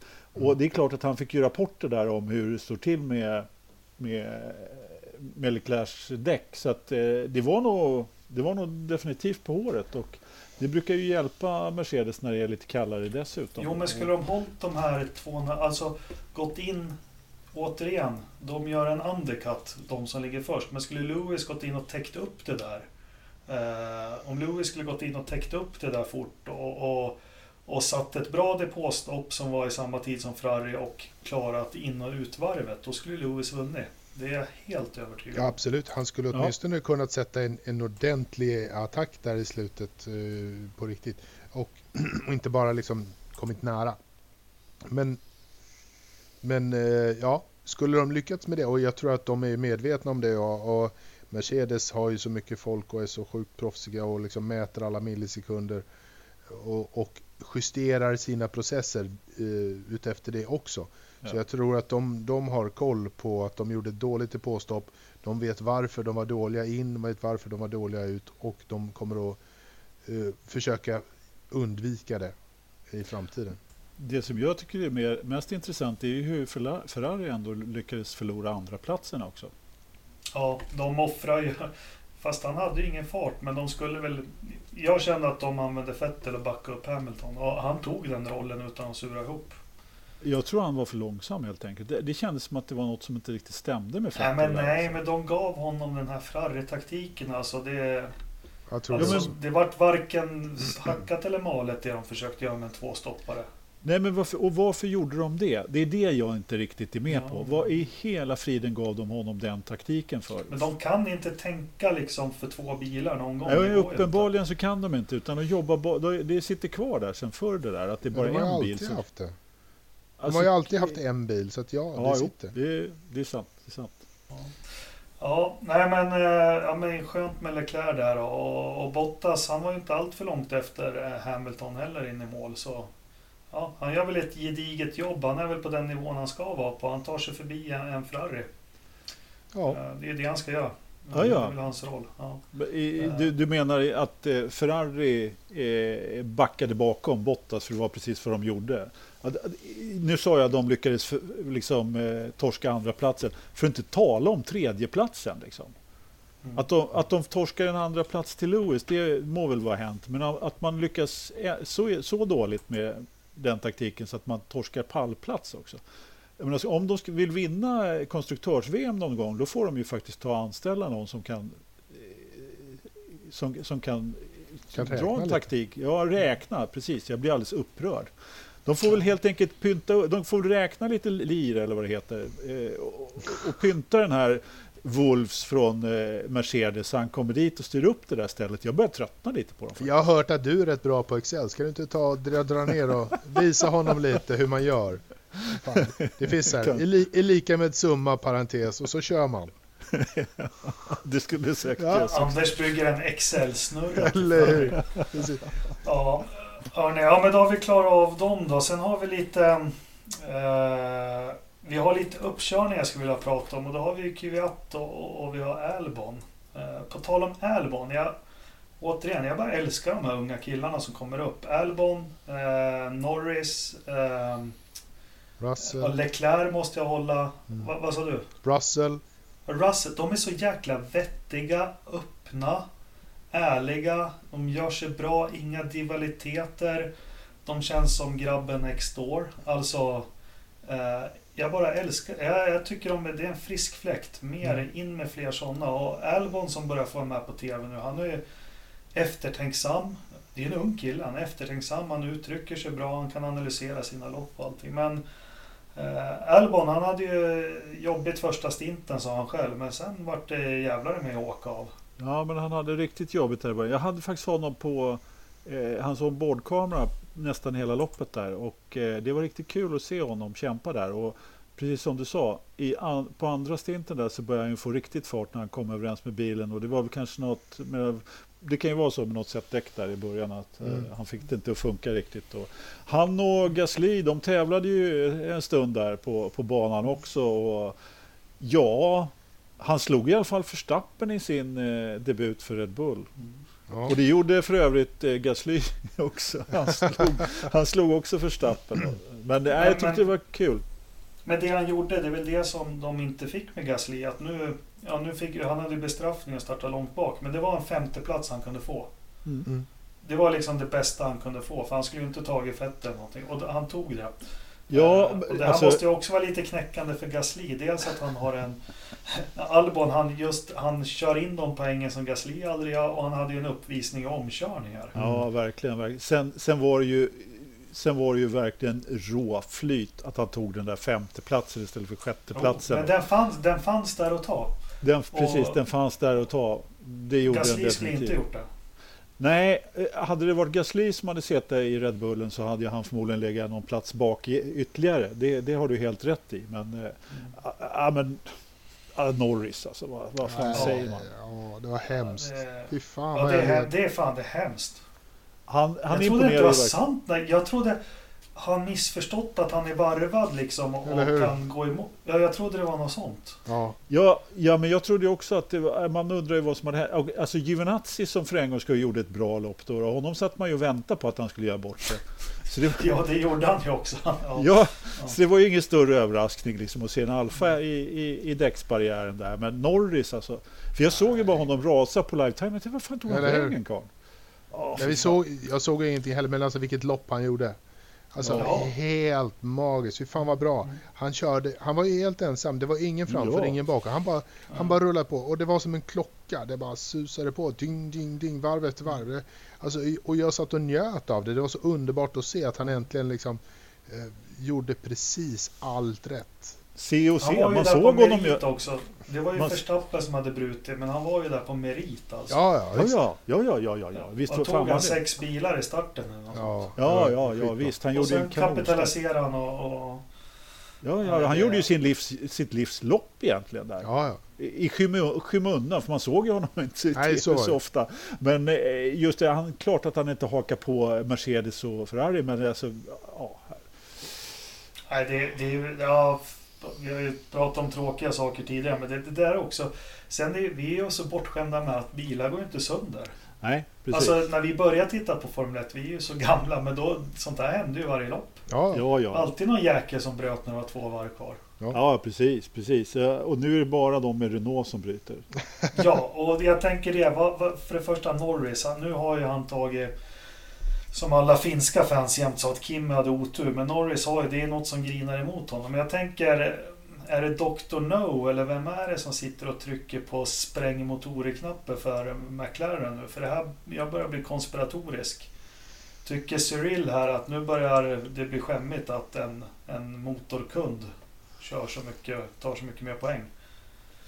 Sainz fick ju inte ens starta för fan. Nej, de, de, de ströp den på en gång där. Ja, de ströp den på en gång. Vi tar, Ja, den, e- vi tar ena på första varvet och den andra på sista. På sista, ja. Ja, Ja, ja. Nej, men det är, nej, jag känner verkligen för Norris. Usch. Eh, och det här var ju också en helg. Jag tycker det är kul att McLaren är på uppgång och de vart ju av med ganska mycket poäng här. Jag tänker vi går inte igenom allting eller alla. Är det något annat som ni uppmärksammar? Kvyat 19 till 7 plats. Eh, Albon 17 till 5 plats har vi varit inne på. Giovinazzi gör ett jättebra lopp men han lyckas spinna runt en kurva som någon aldrig har spunnit runt i och tydligen var det inget fel på bilen. Utan Nej men hallå, de, de hade väl kunnat sagt Marcus i den bilen då? Det hade ju inte blivit sämre i alla fall. Nej, då hade det blivit ja, han så. skulle spunna i depån. Han hade ju spunnit i den kurvan han också då. ja. Det är ju- Det är ju så. That's how it rolls liksom. Fast när, Ma- när Marcus spinner då voltar han också. Så det är Ja, lite ja. mer, då får de ju mer tv-tid. Ja. Eh, Precis. ja, men Perez får ett resultat för en gångs skull. Ja. Det var ju länge sedan. Eh, han gör ju ett Perez-lopp. Eh, Ja, fan, Stroll var, Stroll var ju till och med med hög där ett tag. fast honom pratar vi inte om. Nej. Eh, Ricciardo fick väl en av de sämsta tra- strategierna som någonsin har gjorts. Ja, och fast det, var det inte så att det var kraschen där i början som gjorde att de var Jo, tvungna men så försökte de köra världsrekord i långstint. Eller hur? Ja, det, nej, det var inte bra. Det var, nej, men, och han sa ju själv efter loppet att han tyckte att han hade gjort ett av sina bästa lopp någonsin. Liksom. han slet ju att jobba med det. Ja, det är klart han gjorde. Eh, Vad har vi mer? Ja, Kimmy, han fick ju sitt jättetråkigt. Han kvalade bra och var snabb. Det är liksom... Det är lite Kimmy i ett nötskal, lika när han körde Ferrari. När han väl fick till det på något kval och sånt, då är det alltid något skit i loppen så han inte får visa upp sig. Det, Nej, men Ja. det var ju, jag vet inte hur mycket det var han, att han inte var på 100 och hur mycket det var att han fick bilen skadad där. Men eh, jag antar att det var rätt ordentliga ja, skador. på halva golvet var ju borta. Ja, Han, jag hörde en teamradio. Vad mäter de downforce i points? Tror jag. Ja, ja, Eh, vad var det de sa? 30 point borta eller vad det var? Något sånt där. ja det, det var rejält i alla fall. Ja, eh, ja, det kunde ju Marcus ha kört. Ja, precis. Ja, ja nej, Spa. Jag tyckte inte loppet var så jäkla underhållande. Vad säger ni? Ja. Jo, alltså det fanns Jo, ju... det var bra. Jo, det var bra. Uh, alltså jag var lite sur fortfarande så att eh, ja visst. Det är alltid kul att se spa och så vidare. Ja, Det, det är det ju. Det, det, Det är en sån häftig bana alltså. Nu, nu hade de lyckats filma vissa översiktsbilder så du verkligen ser där efter eh, eh, kamelrakan hur otroligt kuperat det är. Shit vad det går ner för. ja I- verkligen. Och... I mina rapporter här från vår Forsas utsända reporter på plats så, så kan jag meddela att han har nämnt att det är väldigt kuperat tre gånger och sen så skriver han på slutet och jag har nämnt att det är kuperat. så, så att, Ja. ja men ja, ja men det, jag har ju faktiskt varit på plats själv där också. Det är, Mm. då, då, det, det är väldigt kuperat. Det man önskar med den banan nu med tanke på hur bra bilarna är, det är att de gör någon liten twist på 3D-sektorn här och kanske att det, för det är ju egentligen från på hon är det ju full fart. Ja. Till busstop och, och förut var ju Blanchimot en, en utmaning, du fick lätta lite och sånt. Så det, En chikan. väl, Nja, ja, en chikan. En chik, däckchikan. Nej men, eh, de har ju gott om utrymme, kan man inte tajta den radien lite? Äh, skitsamma. Vi stänger Formel 1-dörren, är ni med på det? Vi ser Jajamensan. fram emot Monza. Monza är en sån här bana som, jag tänker alltid på Ronnie Pettersson. Det är något speciellt med Monza och de kommer alltid i september och hej och hå.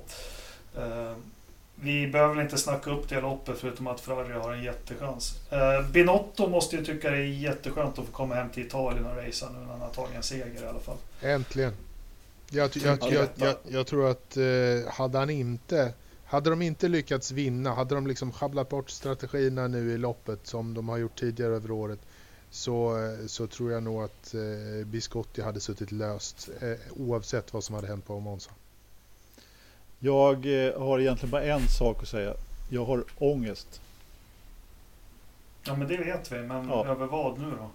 Nej men det är ju första gången på tio år som jag inte ska åka och se...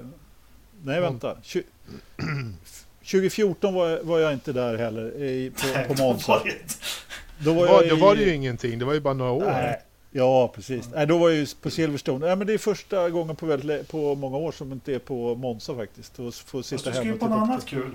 Ja, precis. Några veckor På senare. Så, övergångar. ja, så tänkte jag ju faktiskt åka och titta på lite Indycar då istället. Mm. Så att det, det, jag ska inte gnälla för mycket över att jag inte får åka till Monza. Det känns lite tomt faktiskt. Så, att, eh, så är det. Anders, Anders byter klass, vilket vi också gör. Sen är det alltid kul Anders när du får en slant över sådär. Då tar du flyget till USA. Kollar. Tänk om man... Får en slant Ja, över. En Jo, han slant fick väl över. lite slant över här på någon aktie eller något och så. Ja, Tänkte ja. Då, då uppdaterar jag Italien, då kör vi till USA istället. Ja, fan, jag har ju upp, intecknat det nya huset upp i taknocken här för att få råd att åka och titta på lite Ja, motorsport. Ridderstolpe vet du, du är så jävla lång så du får ju köpa flygbiljetter som en årslön för oss. Eller hur? Ja, det är faktiskt så att jag har eh, gjort det också. Inte årslön kanske, men eh, det, var- det, var inte, det är inte gratis att flyga långt om man är, om man är- fullvuxen kan jag säga. Jag var faktiskt på gång. Jag hade en flygresa tur och retur. Jag ville följa med. 2200 med Norwegian. Mm. Ja, det är inte Plus det, att jag hade såna här poäng så jag skulle inte behövt betalt ett öre. Men tyvärr så krockade det med, med annat. Ja men vad bra. Vi gör som Alo. Vi byter, eh, vi byter klass och vi pratar Indycar Portland. Jag har ju ett körschema här i handen som jag skriver. Ja, nu har jag prasslat med pappret. ja, Första punkten. Gud vad jag ogillar Max Chilton. ja, hur fan. Det är den där det har- jobbiga jäveln på skolgården som man bara slog ner och så reste han sig upp hela tiden och fortsatte att reta. Ja, och så, och så ler han hela Ja. tiden. Ja, Ja. sjukt irriterande kille. Ja, Usch, fy. ja. Ja, ja, jag vet inte vad jag är med. Alltså, jag har ju också väldigt svårt för den där typen som ligger och blockar. Framförallt när man är ett varv efter. Och eh, det, finns ju, det finns ju alltid en sån i varje fält. Någon som är jäkligt svår. Och, liksom som, ja, som ska leka trullig. Jag vet inte. Nej. Men nu men har det- de ju dessutom två. De har ju Max Chilton som inte riktigt vet hur man gör. Och så har de Takuma som, Ja, jo. som, som leker. Jag vet inte vad han leker men... eh, Han är ju i och för sig ännu mer oberäknelig. Men, men ja, det är... Ja.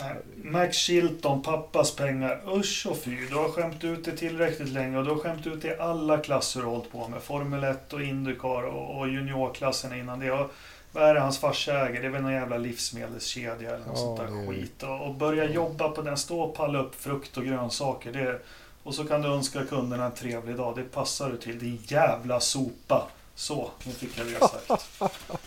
Usch. Ja men Check. annars då. Eh, jättetrist att Marcus inte var med. Det kände man direkt när man kollade att det inte är två svenskar med. På något vis så Mm. störde det lite. Men vi, vi går direkt pang på. Eh, Felix. Igen, levererar. Och den här gången var det väl aldrig riktigt nära ändå så här i efterhand, eller? Nej, nej, nej, det var väl inte... Will Power är ju, eh, är ju, är ju rätt bra. Liksom, han är ju en erfaren räv. Eh, och, och när han väl sitter i den här situationen så, så ska han ju klara av det. Visst, det... Vi har snackat brain freeze och, och, och willpower i samma mening lite då och då. Men det, han lyckades ju hålla huvudet någorlunda ljummet den här helgen. Ja, jag håller med. Och sen så... Ja, men det drog ju ihop sig lite där på slutet, men han tryckte ju gasen i botten faktiskt. Jag vet inte om det var någon däcksituation och sånt. Men om vi håller oss kvar vid Felix då, som har haft det... Inte motigt, tycker jag absolut inte. Men han har ju haft törnar på självförtroendet med de här krascherna i alla fall. Och kvalar starkt. Eh, Mm. Gör en bra start. Jag tycker han är rätt tuff i starten. Eh, ja, och sen så bara exekuterar han loppet på, på ett jäkligt bra sätt känns det som. Inga dippar heller i loppet som det kan vara ibland att de får strul med däck och sånt. Nej, men eh, han har ju fått till sin akilleshäl där med, med de röda däcken på mittenstinten som tidigare var hans svaga punkt. Och här, här fick de ju verkligen till det och tydligen så var det de kör ju tydligen lite olika gummiblandningar här också och det var tydligen exakt samma gummiblandning som senast som, Fe- som Felix fixade till den här mittenstinten på röda också och eh, lyckades göra mål. Det var ju Colton Hurta där som tog polen Mm han missade ju precis det som eh, eh, eller han gjorde ju samma sak som Felix brukar göra. Det vill säga köra lite för hårt på de röda och tappa dem. Eh, han, han, det gick ju till en viss gräns. Sen så tog de sig förbi honom och han rasade väl ända ner till... Han var ju fjärde i mål men kom väl ner till femte. Men, men Felix han, han höll ju mot extremt bra mot eh, Will Power där på, på eh, andra stinten. Och det var, var det någon, någonstans han skulle ha avgjort eller kommit eh, i fatt och satt lite press på dem så var det ju där. Eh, lite tidigt i den, eh, när han låg och skugga så att säga. Men fortfarande så, så var det ju så att det här var ju, han var ju kanske inte jättenära segern på annat sätt än på, på Indycar-sätt så att säga. Will Power hade kunnat gjort någonting, det blev gul flagg i slutet, det hade kunnat hänt någonting överhuvudtaget och där stod Felix och var jäkligt stabil.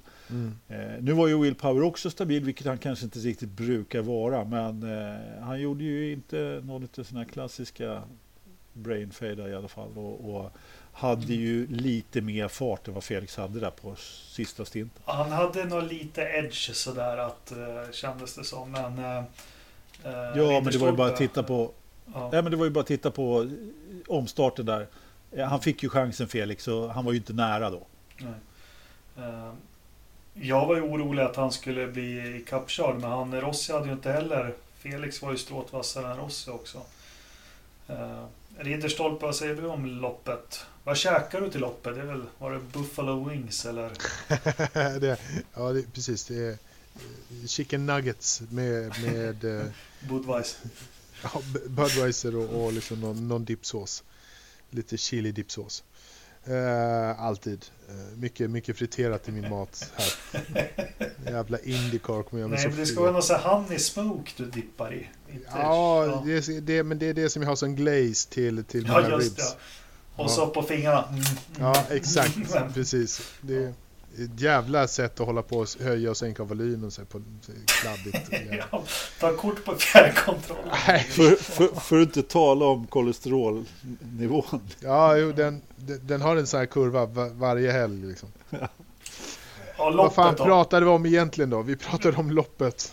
Jag, tyckte det var, jag tyckte det var rätt bra. Felix tappade ju någon i början, eh, eller så här, men sen blev de ju ganska snabbt fem stycken som så snurrade runt eh, bra där. Och det var ingen annan som var i, i, med i läget där. Eh, Colton Hurtas eh, däck höll fortfarande så han drog iväg. Men de höll sig liksom fem stycken som körde iväg rätt bra. Eh, i början hade ju Newgarden världens flax när han undvek när Graham Rahal kom som en jävla torped. Han gjorde ju en Verstappen liksom. Ja, Bromsade den för sent. Grosjean Verstappen kombinerat. Ja, Men alltså, de, de hade ju sett på varandras video där så de sa ah, fan så där ska jag göra. jag Första ska- kurvan. Jag Fan, ska jag vara bromsade cool. 100 meter senare. Ja, eller hur? Med Fan. skillnaden att, att han tog faktiskt på sig alltihopa. Ja, Raymond. men det är Exakt. också en stor skillnad på amerikansk racing som jag gillar. Det är... Ja. Ja, Ja, men det är väl det som de unga kommer med till, till Formel 1 nu, Ja. Norris och Russell och de här. Liksom. Jag tror att de kommer att vara mer i den andan. Att, att inte hålla på och skylla ifrån sig och säga liksom att det är corporate, bla bla bla, det var inte jag. Alla vet att det var du, du kör som en idiot. Ja.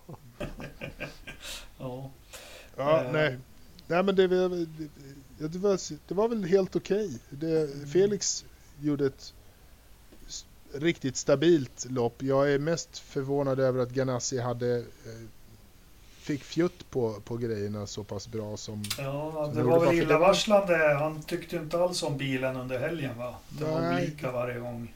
Ja, och, då, och de hade ju inte riktigt farten heller så jag var ju förvånad över dels att han lyckades faktiskt. Bägge två lyckades ju hyggligt bra i kvalet måste man ju säga. Mm. Hyggligt bra. De lyckades Ja. bra i kvalet. ja, alltså Scott Dixon hade ju sån jäkla fart i loppet också innan Ja. eh, vad det nu var, gick sönder batteriet eller vad det var för någonting. Jag tänker vi, vi, vi tar den Scott Dixon liksom. Nu börjar det dra ihop sig. Han har ju legat här lite i kölvattnet och så. Nu fick han bryta. Men ändå liksom, det är nu det drar ihop sig. Vem är det som leder loppet? Vem är det som äter upp de andra? Mm. Vem är det som kontrollerar racet? Det är Kukson som han så fint heter ibland. Nej men Scott Dixon, han är... Gud vad jag skulle vilja sett honom i Formel 1. Ja. Ja, Alltså, det han- kanske är lite Det är så sent. men- snyggt och städat och, och snabbt och, och kalkylerat. Han är iskall på något vis. Det är liksom... Vänta lite, Ja. vänta lite. Ba- Backa lite. Pip, pip. Eh, Ridderstolpe, vad, vad dricker Ja, du? vad fan var det där? Det är, är, är Ingen hemgjord, hemgjord limoncello. Vad fan, jag har varit i Italien hela sommaren. Kom igen. Han, Ja. Ni som inte ser, han tog en liten sån här fingerborg med något och, och, och drack. Dessutom står det en text på den som jag absolut inte kan berätta på inspelning. Men jag kan dra den sen. Vad Och för er som kommer hit så får ni... Men, ja, nej, Mm. nej, jag tar den sen. Ja, vi tar det. Ja, men Scott Dixon, honom skulle man vilja sett i Formel 1. Eh, jag gillar honom. Ja, självklart så skulle han ju... Han är, jag vet inte om han skulle trivas i Formel 1. Han kanske skulle bli en sån här som hoppar tillbaka igen. Men, eh, Eh, men fartmässigt så hade man ju gärna se, sett honom mot, mot eh, någon av de stora Formel 1-förarna. Helt klart, det håller jag med om. Alla dagar i veckan. Ja. Felix då, återigen. Nu får vi inte prata om Marcus, men nu har han ju faktiskt läge. Vi kanske inte ska hoppas för, på för mycket, men det är dubbla poäng nästa lopp. Och han har ju faktiskt chans att placera sig riktigt bra i... Alltså får han in en pallplacering här sista loppet, då vill han topp 6-7 i tabellen. Ja. Han poppade väl upp till åtta nu eller? Ja, eh, det Gjorde gjorde han. Jag satt och räknade lite på det där. Fan, vi, som vi alltid är inne på, man har ju haft höga förväntningar. Men han hade lite otur på Kota. Eh, Han har haft lite, alltså han skulle kunna ha varit femma, sexa i tabellen nu utan några konstigheter. Ja, absolut. Vi skulle kunna ha gjort det. Han har ju gjort en fantastisk debutsäsong. nu, nu, han har ju haft sina problem som vi har pratat om så många gånger tidigare. Men jag menar, nu, nu på slutet har han ju varit riktigt stabil också. Just den här, den här, den här andra platsen nu, är ju, nu ser vi ju Felix och vad han kan göra. Nu har han ju slipat bort de här små grejerna som han hade tidigare. Han har blivit betydligt mer... Eh, han, han har en mycket högre lägsta nivå det märks på något sätt på hela honom. Han har ju kunnat sätta ett snabbt varv, det har han ju kunnat gjort hela säsongen. Men nu, nu känns det som att han börjar komma ett steg längre. Nu börjar han, han, är, han är inte rutinerad kanske, men han börjar få kläm på det där och hur man lägger upp loppen. och eh, Inte de här liksom misstagen, de som Marcus gör fortfarande. Jag skulle, jag, jag skulle vilja se, eh, jag håller med eh, allt du säger, jag skulle vilja se vad jag saknar eh, hos Felix som, han, som jag skulle vilja se bättring på nästa år och det är ju Tack och lov så slipper han ju Pocono nästa år. Det blir Richmond istället. Eh, men jag skulle vilja se att han, han, eh, hans ovalkörning skulle behöva shapas upp. Liksom. Vanliga road courses och, och, normala europeiska banor kan han ju. Och där vet vi att han kan leverera. Men ovalkörningen... Om, om han ska bli mästare, då behöver det, han Ja, och det är väl fan det han ska bli. Det är väl därför man håller på. Det, det är klart han ska bli det. Men ja. Eh, det, då, behöver, då, då, håller jag med dig helt och hållet. Jag tror att det kommer. Jag tror definitivt att det kommer. Men, Så att, men, eh, fan vad kul att Indycar kommer till London. Alltså det är riktigt mycket ekorrar i Richmond. Det är bara jag som har Jätte, ja, förmodligen. Ja. Och det är nog bara ja, du som åker dit. Det är sista tunnelbanestationen. Ja, jättevackert i Richmond. Det är på riktigt. Jag, då jag varit min syrra bodde i London, fick man säga. Tipsar alla som åker till London och åker till Richmond. Det är supervackert. Det är kul att få se lite Indycar där. Du var skitfull, somnade på tåget och vaknade upp i Richmond, eller hur? Nej, det var faktiskt det var med flit jag åkte dit. Eh, supervackert. Eh, Men du, eh, Engelmark. Mm. Har du varit i Paris, Texas också, eller? Eller Stockholm, Minnesota? ja. ja, jag försökte vara lite rolig. Men ja, nog fel. Det föll, det föll plats som vanligt. Ja. Vi har ju inte Marcus att bry oss i tyvärr det här loppet. Men om vi avslutar i mästerskapsfighten här och vi går in, det är dubbla poäng. Eh, var det inte Scott Dixon som har gjort sig känd för att han låg 49 poäng efter inför sista loppet och varit mästare? Jo, men nu ligger han ju ännu längre bakom. Ja, nu är det kört. Men vem, vem tar hem det här då? Fortfarande Newgarden. Ja, mm. det kan inte vara någon annan. Jag tycker att Rossi har sett lite skakig Inte skakig kanske, men inte riktigt lika vass som jag hade väntat mig. Att, visst, han är med där uppe hela tiden, men... Ah. Ja, men haft, har, inte haft en, har inte han haft en rätt strulig säsong? Jo, det har varit jo. lite struligt både här och där. Och ja, både, både mekaniskt och, och annat, va? Har det inte det? Ja, kanske. Will Power har också haft en strulig säsong. Ja, mycket fast han har ju fixat det mesta själv då. Jo, men ja, en del mekanik har också pajat för honom. Men eh, sen har han ju också haft lite barriärer som står i vägen här och där. Som springer ut och tar honom. ja, men, eh, ja, men alltså Newgarden har ju... Han har ju faktiskt legat etta alla eh, rundor förutom efter eh, där i maj efter Indy, Indy 500. Ja. Så har han eh, legat etta i, i tabellen hela tiden. Ja, jo det har han gjort. Nej, men det, det, så det, det är, hans ganska... år liksom. Ja, men det känns som det i alla fall. Det skulle väl vara då om eh, Pagano snuvar honom på, på segern genom att göra ett bra lopp. Det är ju det som är finessen lite grann med dubbla poäng då. då. Men eh, vad man nu tycker om det, jag vet inte. Men eh, det är ju att allt kan hända som de säger. Men, ja, 41 poäng har jag upp. Sen Ja. Apropå, jag sitter och läser lite på Indycars hemsida, det vi pratade om förra veckan, hur viktigt det är. De skriver lite om titelfighten, men sen skriver de ganska mycket om another title on the line. Just om att bli okay. årets rookie, att det är stort där. Och, eh, mm. Där ser Felix ut att kunna ta den. Vart inte Lillövis årets rookie 92? Jaså? Ja, det är möjligt. Det, är, så, så, det kommer inte jag ihåg. Men alltså, för, som jag sa, det, förra avsnittet, den här rookie-titeln, jag bryr mig ingenting. Jag förstår att alla andra bryr sig om den, men, men i vilket fall som helst så, Ferrucci han gjorde ju ingen, inget väsen av sig alls. Så om bara Felix kommer i mål så kommer han ju klippa den här rookie-titeln och Ferrucci inte vinner. Så eh, det, ja. det lär nog funka. Eh, Men du Anders, om vi andra sitter och hoppas och firar den så kan du bry dig om den här Formel E-titeln och sånt där viktigt. Nej, men, du missförstår mig. Jag, jag, det är inte det, utan jag, jag, jag förstår inte storheten. Jag menar, Felix är för fan 28 år och har kört allt möjligt. Och Ferrucci är inte heller någon rookie och Colton Hurt är definitivt ingen rookie, mm. även fast han är ung. Han har också kört Indycar tidigare. Och Marcus Eriksson, fem säsonger i F1. Mm. Det är för fan som när man själv var rookie i Indycar. Och fyra i GP2. Ja, minst. Det är, ja. Skitsamma. Vi får det, se, ska vi inte men, diskutera. Men du, vänta, Vi hoppas stopp. få lite... Jaha, får jag inte prata? Jag som programledare. Jag hoppas att du skickar lite live-rapporter från Laguna Seca sen. Ja, men det är klart jag ska skicka live-rapporter från Laguna Seca. Jag kommer att köra... Eh, det kommer att tröttna på mig där. Nej, men jag ska göra något... Eh, eh, vi får väl se om jag träffar någon, annars så pratar jag lite bara där och skickar över. Det, Nej, går, men, inte, det går inte att tröttna på dig, Anders. Nej, det kan, skulle vi aldrig göra. Ja, snälla ni. Ja. Nej, men innan vi bara stänger Portland där. Ja, fan, vi, vi måste ju säga några ord om eh, vet du, Ryan Hunter eh, Ray. Ja, och, och en, Nej, men vilken fantastisk eh, torpedering han gjorde överhuvudtaget. Ja. På, på Jack Harvey var det va? Ja, det var det. Fast den var ja, inte så alltså, dum. Ja. Nej, men alltså, han hade ju inte ens en start att skylla på liksom, med folk runt omkring och att han gjorde en... Eh, han gick på insidan, bromsade 50 meter för sent, en bil i närheten och tog av eh, Jack Harvey som gjorde sin livstävling. Liksom. Såg du hur jävla nöjd Michael Andretti var? Ja, han, han stod bara och suckade liksom.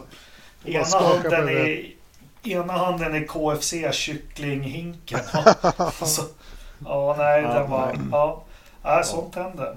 Ja, men vi får se. Eh, som sagt, vi ser fram emot säsongsavslutningen. Det är en häftig bana också. Det har varit en kul Indycar-säsong. Den har ja, gått verkligen. fort. Den känns som den har gått jättefort. Mm. Ja, och alltså, som någon av er var inne på där så kom ju, eh, eller som vi var inne på med Richmond där, så var det ju, kom ju vad heter det, nästa års eh, kalender ut. Mm. Med, mm. med 17 lopp. Vi hade ju hoppats på 18. Jag hade mm. hoppats på något lopp till kanske någonstans. Och, Las Vegas var väl på tapeten lite grann, men eh, jag vet inte om... Eh, är inte den livsfarlig, Las Vegas? Fullkomligt, men det är väl alla banor där. Ja. Men, nej, men det var ju så att Pocono var ju på tapeten ända till dagen innan de släppte ka kalendern tydligen. Var den det?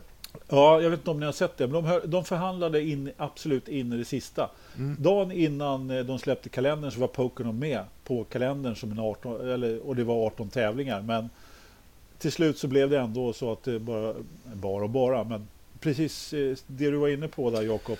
Ja, det känns jäkligt, och nu ska vi köra fem månader, känns det i alla fall som, Formel 1 till, men ingen ja. Indycar, hur fan ska vi klara oss? Ja, hur ska vi klara helgerna? Och korta ja. poddar det kommer bli.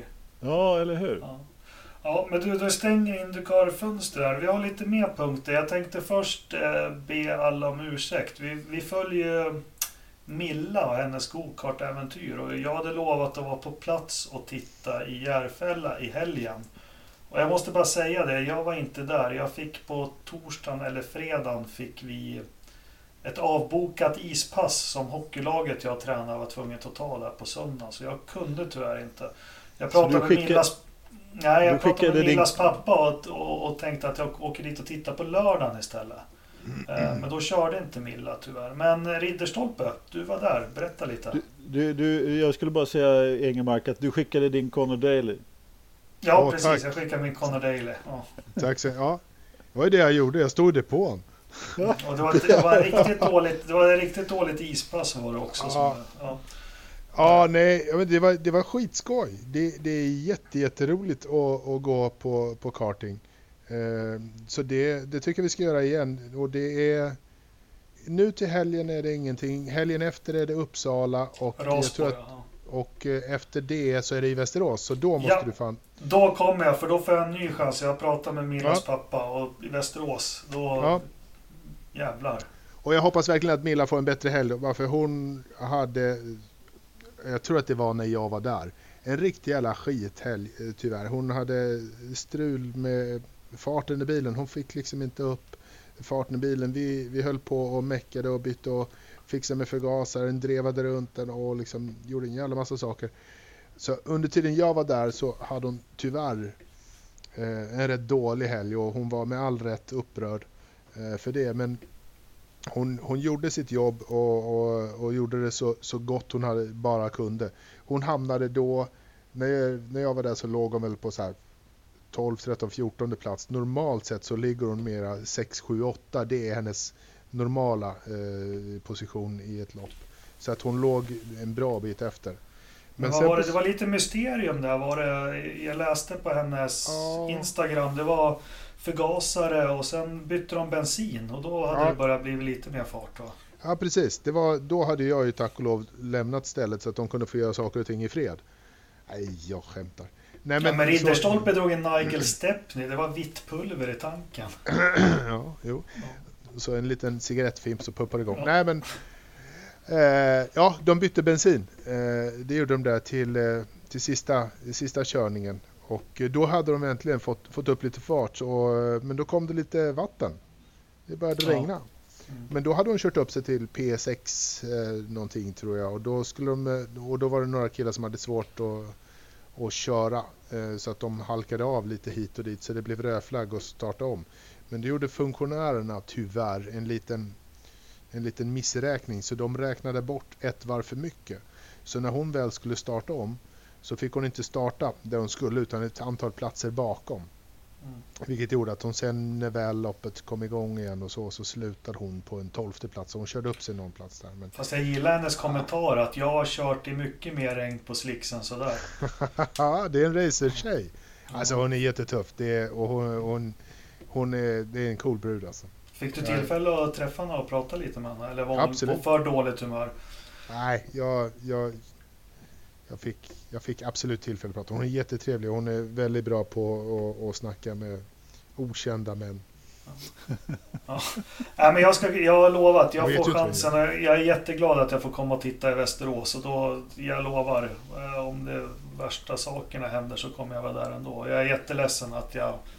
Tyvärr, så här är det ibland. Och särskilt i början av ishockeysäsongen när det ploppar upp ispass så här så... Ja, Ja, jättetråkigt. Men kul att du var där Ridderstolpe. Ja, det var jätteroligt att vara där. Jätteroligt. Ja. Vet du vad? Vi hinner inte med någon mer utblick, Anders. Eh, idag. Någon, det är lugnt. Ja, så jag tänker så här. Det är en comeback. Vet Nej. du vad? Jo. Engelmarks kvarting. Nu kommer de börja sändas igen och med start nu kommer vi backa tillbaka 23 år i tiden. Så varsågoda kvartingen. Engelmarks kvarting, kvarting, kvarting. Då flyttar vi tillbaka markören till 1996. Året för galna ko-sjukan. Göran Persson blir statsminister. Yassir Arafat kommer till makten och Tupac mördas. Och i Japan så lanseras en jättekonstig skiva som kallas DVD. Men det man kommer ihåg mest med, den 13, med 1996 det är den 13 oktober och det är för alla Formel 1-fans ett oförglömligt datum. Det var den söndagen som Damon Hill vann Japans Grand Prix i stor stil. Han blev därmed den första sonen till en Formel 1-världsmästare att ta tillbaka titeln till familjen. Något som sen hände 20 år senare när Nico Rosberg tog hem titeln. Pappa Graham med två VM-titlar 1962 och 1968 och med en larger than life-aura känner de flesta till. Mellan odlandet av tangorabatten och resandet land och rike runt för att roffa åt sig titlar och Grand Prix så hann han, han även med att producera lite annat. Så den 17 september 1960 föddes sonen Damon Hill. Damon växte upp kring Formel 1, men han var inte så imponerad av det. Att ha människor som Jim Clark, Jackie Stewart och Hugh Bonnier ständigt som gäster i residentet i Hampstead var inte något som han reflekterade särskilt mycket över. Nej, det var motorcyklar som fångade Damons intresse och tidigt fick han sin första båge som han körde runt på. Framtiden var inte helt utstakad för Damon i, i unga år, men i samband med hans pappas tragiska död 1975 så vändes livet upp och ner för hela familjen. Graham hade varit slarvig med sin ekonomi, försäkringar och annat och familjen tvingades därmed leva ett mycket modest liv och Damon fick ta jobb som mc-bud i London. Pengarna var knappa, men de räckte till att köra klubbracing på helgerna, där han styrde sin 350 kubika till några vinster. Då hans mamma tyckte att det här med motorcyklar verkar vara för farligt så lyssnade Damon motvilligt på henne och vid 24 års ålder så började han köra Formel Ford. De närmsta åren efter det bjöd inte på några stora, större framgångar men han hade lite bristfälligt material. Men ett par segrar i Formel 2 och Formel 3000 han med innan han fick erbjudande att ta över Mark Blandells roll som testförare i Williams. Patrick Head och Frank Williams är kända för att plocka talang talanger och de såg snabbt Damons förmåga att testa fram en bil, hans arbetsmoral och vilja. Och efter några framträdanden med Brabham 1982 fick han chansen i Williams bredvid Alain Prost under 1993. Damon slutade sitt första fulla säsong trea i VM efter Alain Prost och Ayrton Senna. Två stycken motorhaverier i ledning och en punktering i ledning berövade Damon andra platsen i mästerskapet. Inför säsongen 1994 så gick han upp mot en ny stallkamrat, Senna. Tyvärr hann de inte mäta sig med varandra så mycket då Senna gick bort efter tre lopp. Och kvar stod då en orutinerad Damon som helt plötsligt skulle leda stallet i en bil som var helt underlägsen Schumachers Benetton-bil. Damon visade dock sin fars arv, att kämpa aldrig gick upp och lyfta teamet och bära det på sina axlar och tog till allas förvåning VM-fighten till sista loppet i Australien. Som alla minns så blev han där brutalt avkörd av Schumacher efter att ha stressat honom av vägen. Säsongen 1995 fortsätter Damon nu i Williams, nu tillsammans med stjärnskottet David Coulthard. Hans rival Schumacher hade nu kunnat stoppa in fältets bästa motor från Renault i sin Benetton-bil. Benetton som också hade ett överläget chassi blev alldeles för svåra för Williams. Även tillförlitlighet spelade in då han fick bryta tre stycken lopp i ledning till följd av mekaniska problem. Han blev även avkörd av Schumacher på Silverstone och Monza detta år. Så prospekten inför 1996 såg inte så mycket bättre ut. Williams var nu den tredje snabbaste bilen i fältet efter Benetton som hade fått Alesi och Berger som förare. Och Ferrari som kom med en helt ny V10-motor och Schumacher bakom ratten.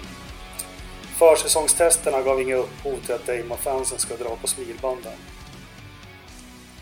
Men när väl säsongen började så fick vi se de största uppvisningarna inom Formel 1 som har skådats. För er lite yngre som vill jämföra det här så kan ni jämföra med Alonsos tappra fight 2012 då han i en underlägsen Ferrari tog det till sista loppet mot Sebastian Vettel och Red Bull. Damon Hill vann hälften av loppen, han bröt i ledning i Monaco och Monza och dominerade hela säsongen. Att han slog sin stallkamrat Chuck Villeneuve som vann VM 1977 och delade prispall i Japan med de som skulle abonnera på VM-titeln mellan 1998 och 2004 säger väl det mesta. I slutet av den här säsongen hade Damon vunnit 21 GP på lite drygt 60 starter, statistik som få andra har kommit upp till. Och i jämförelse med sina konkurrenter som började köra gokart i 5-6 års åldern eh, så vann Hill sitt VM när han ändå hade tävlat med bilar i 12 år. Det säger det mesta om hans gudabenådade talang. Många av de minnesvärda loppen, som kände, men det som kännetecknar honom främst är hans förmåga i regn. Japan 94, Brasilien och Monaco 96 och Spa 98 är bara ett litet axplock av legendariska segrar. Förutom att vara regnmästare så gjorde sig Damon känd som en blixtsnabb kvalare och en fantastisk racer som hittade luckor som egentligen inte fanns på banan. Damon Hill slutade med racing 1999 i Jordan och ägnade sin sista säsong till att coacha och vara mentor till Heinz Harald Frenzen som under Hills mantel vann två Grand Prix och var med slogs om VM-titeln. Idag är Damon en mycket uppskattad medlem av Sky F1s panel där han skämmer bort oss med sina knivskarpa analyser.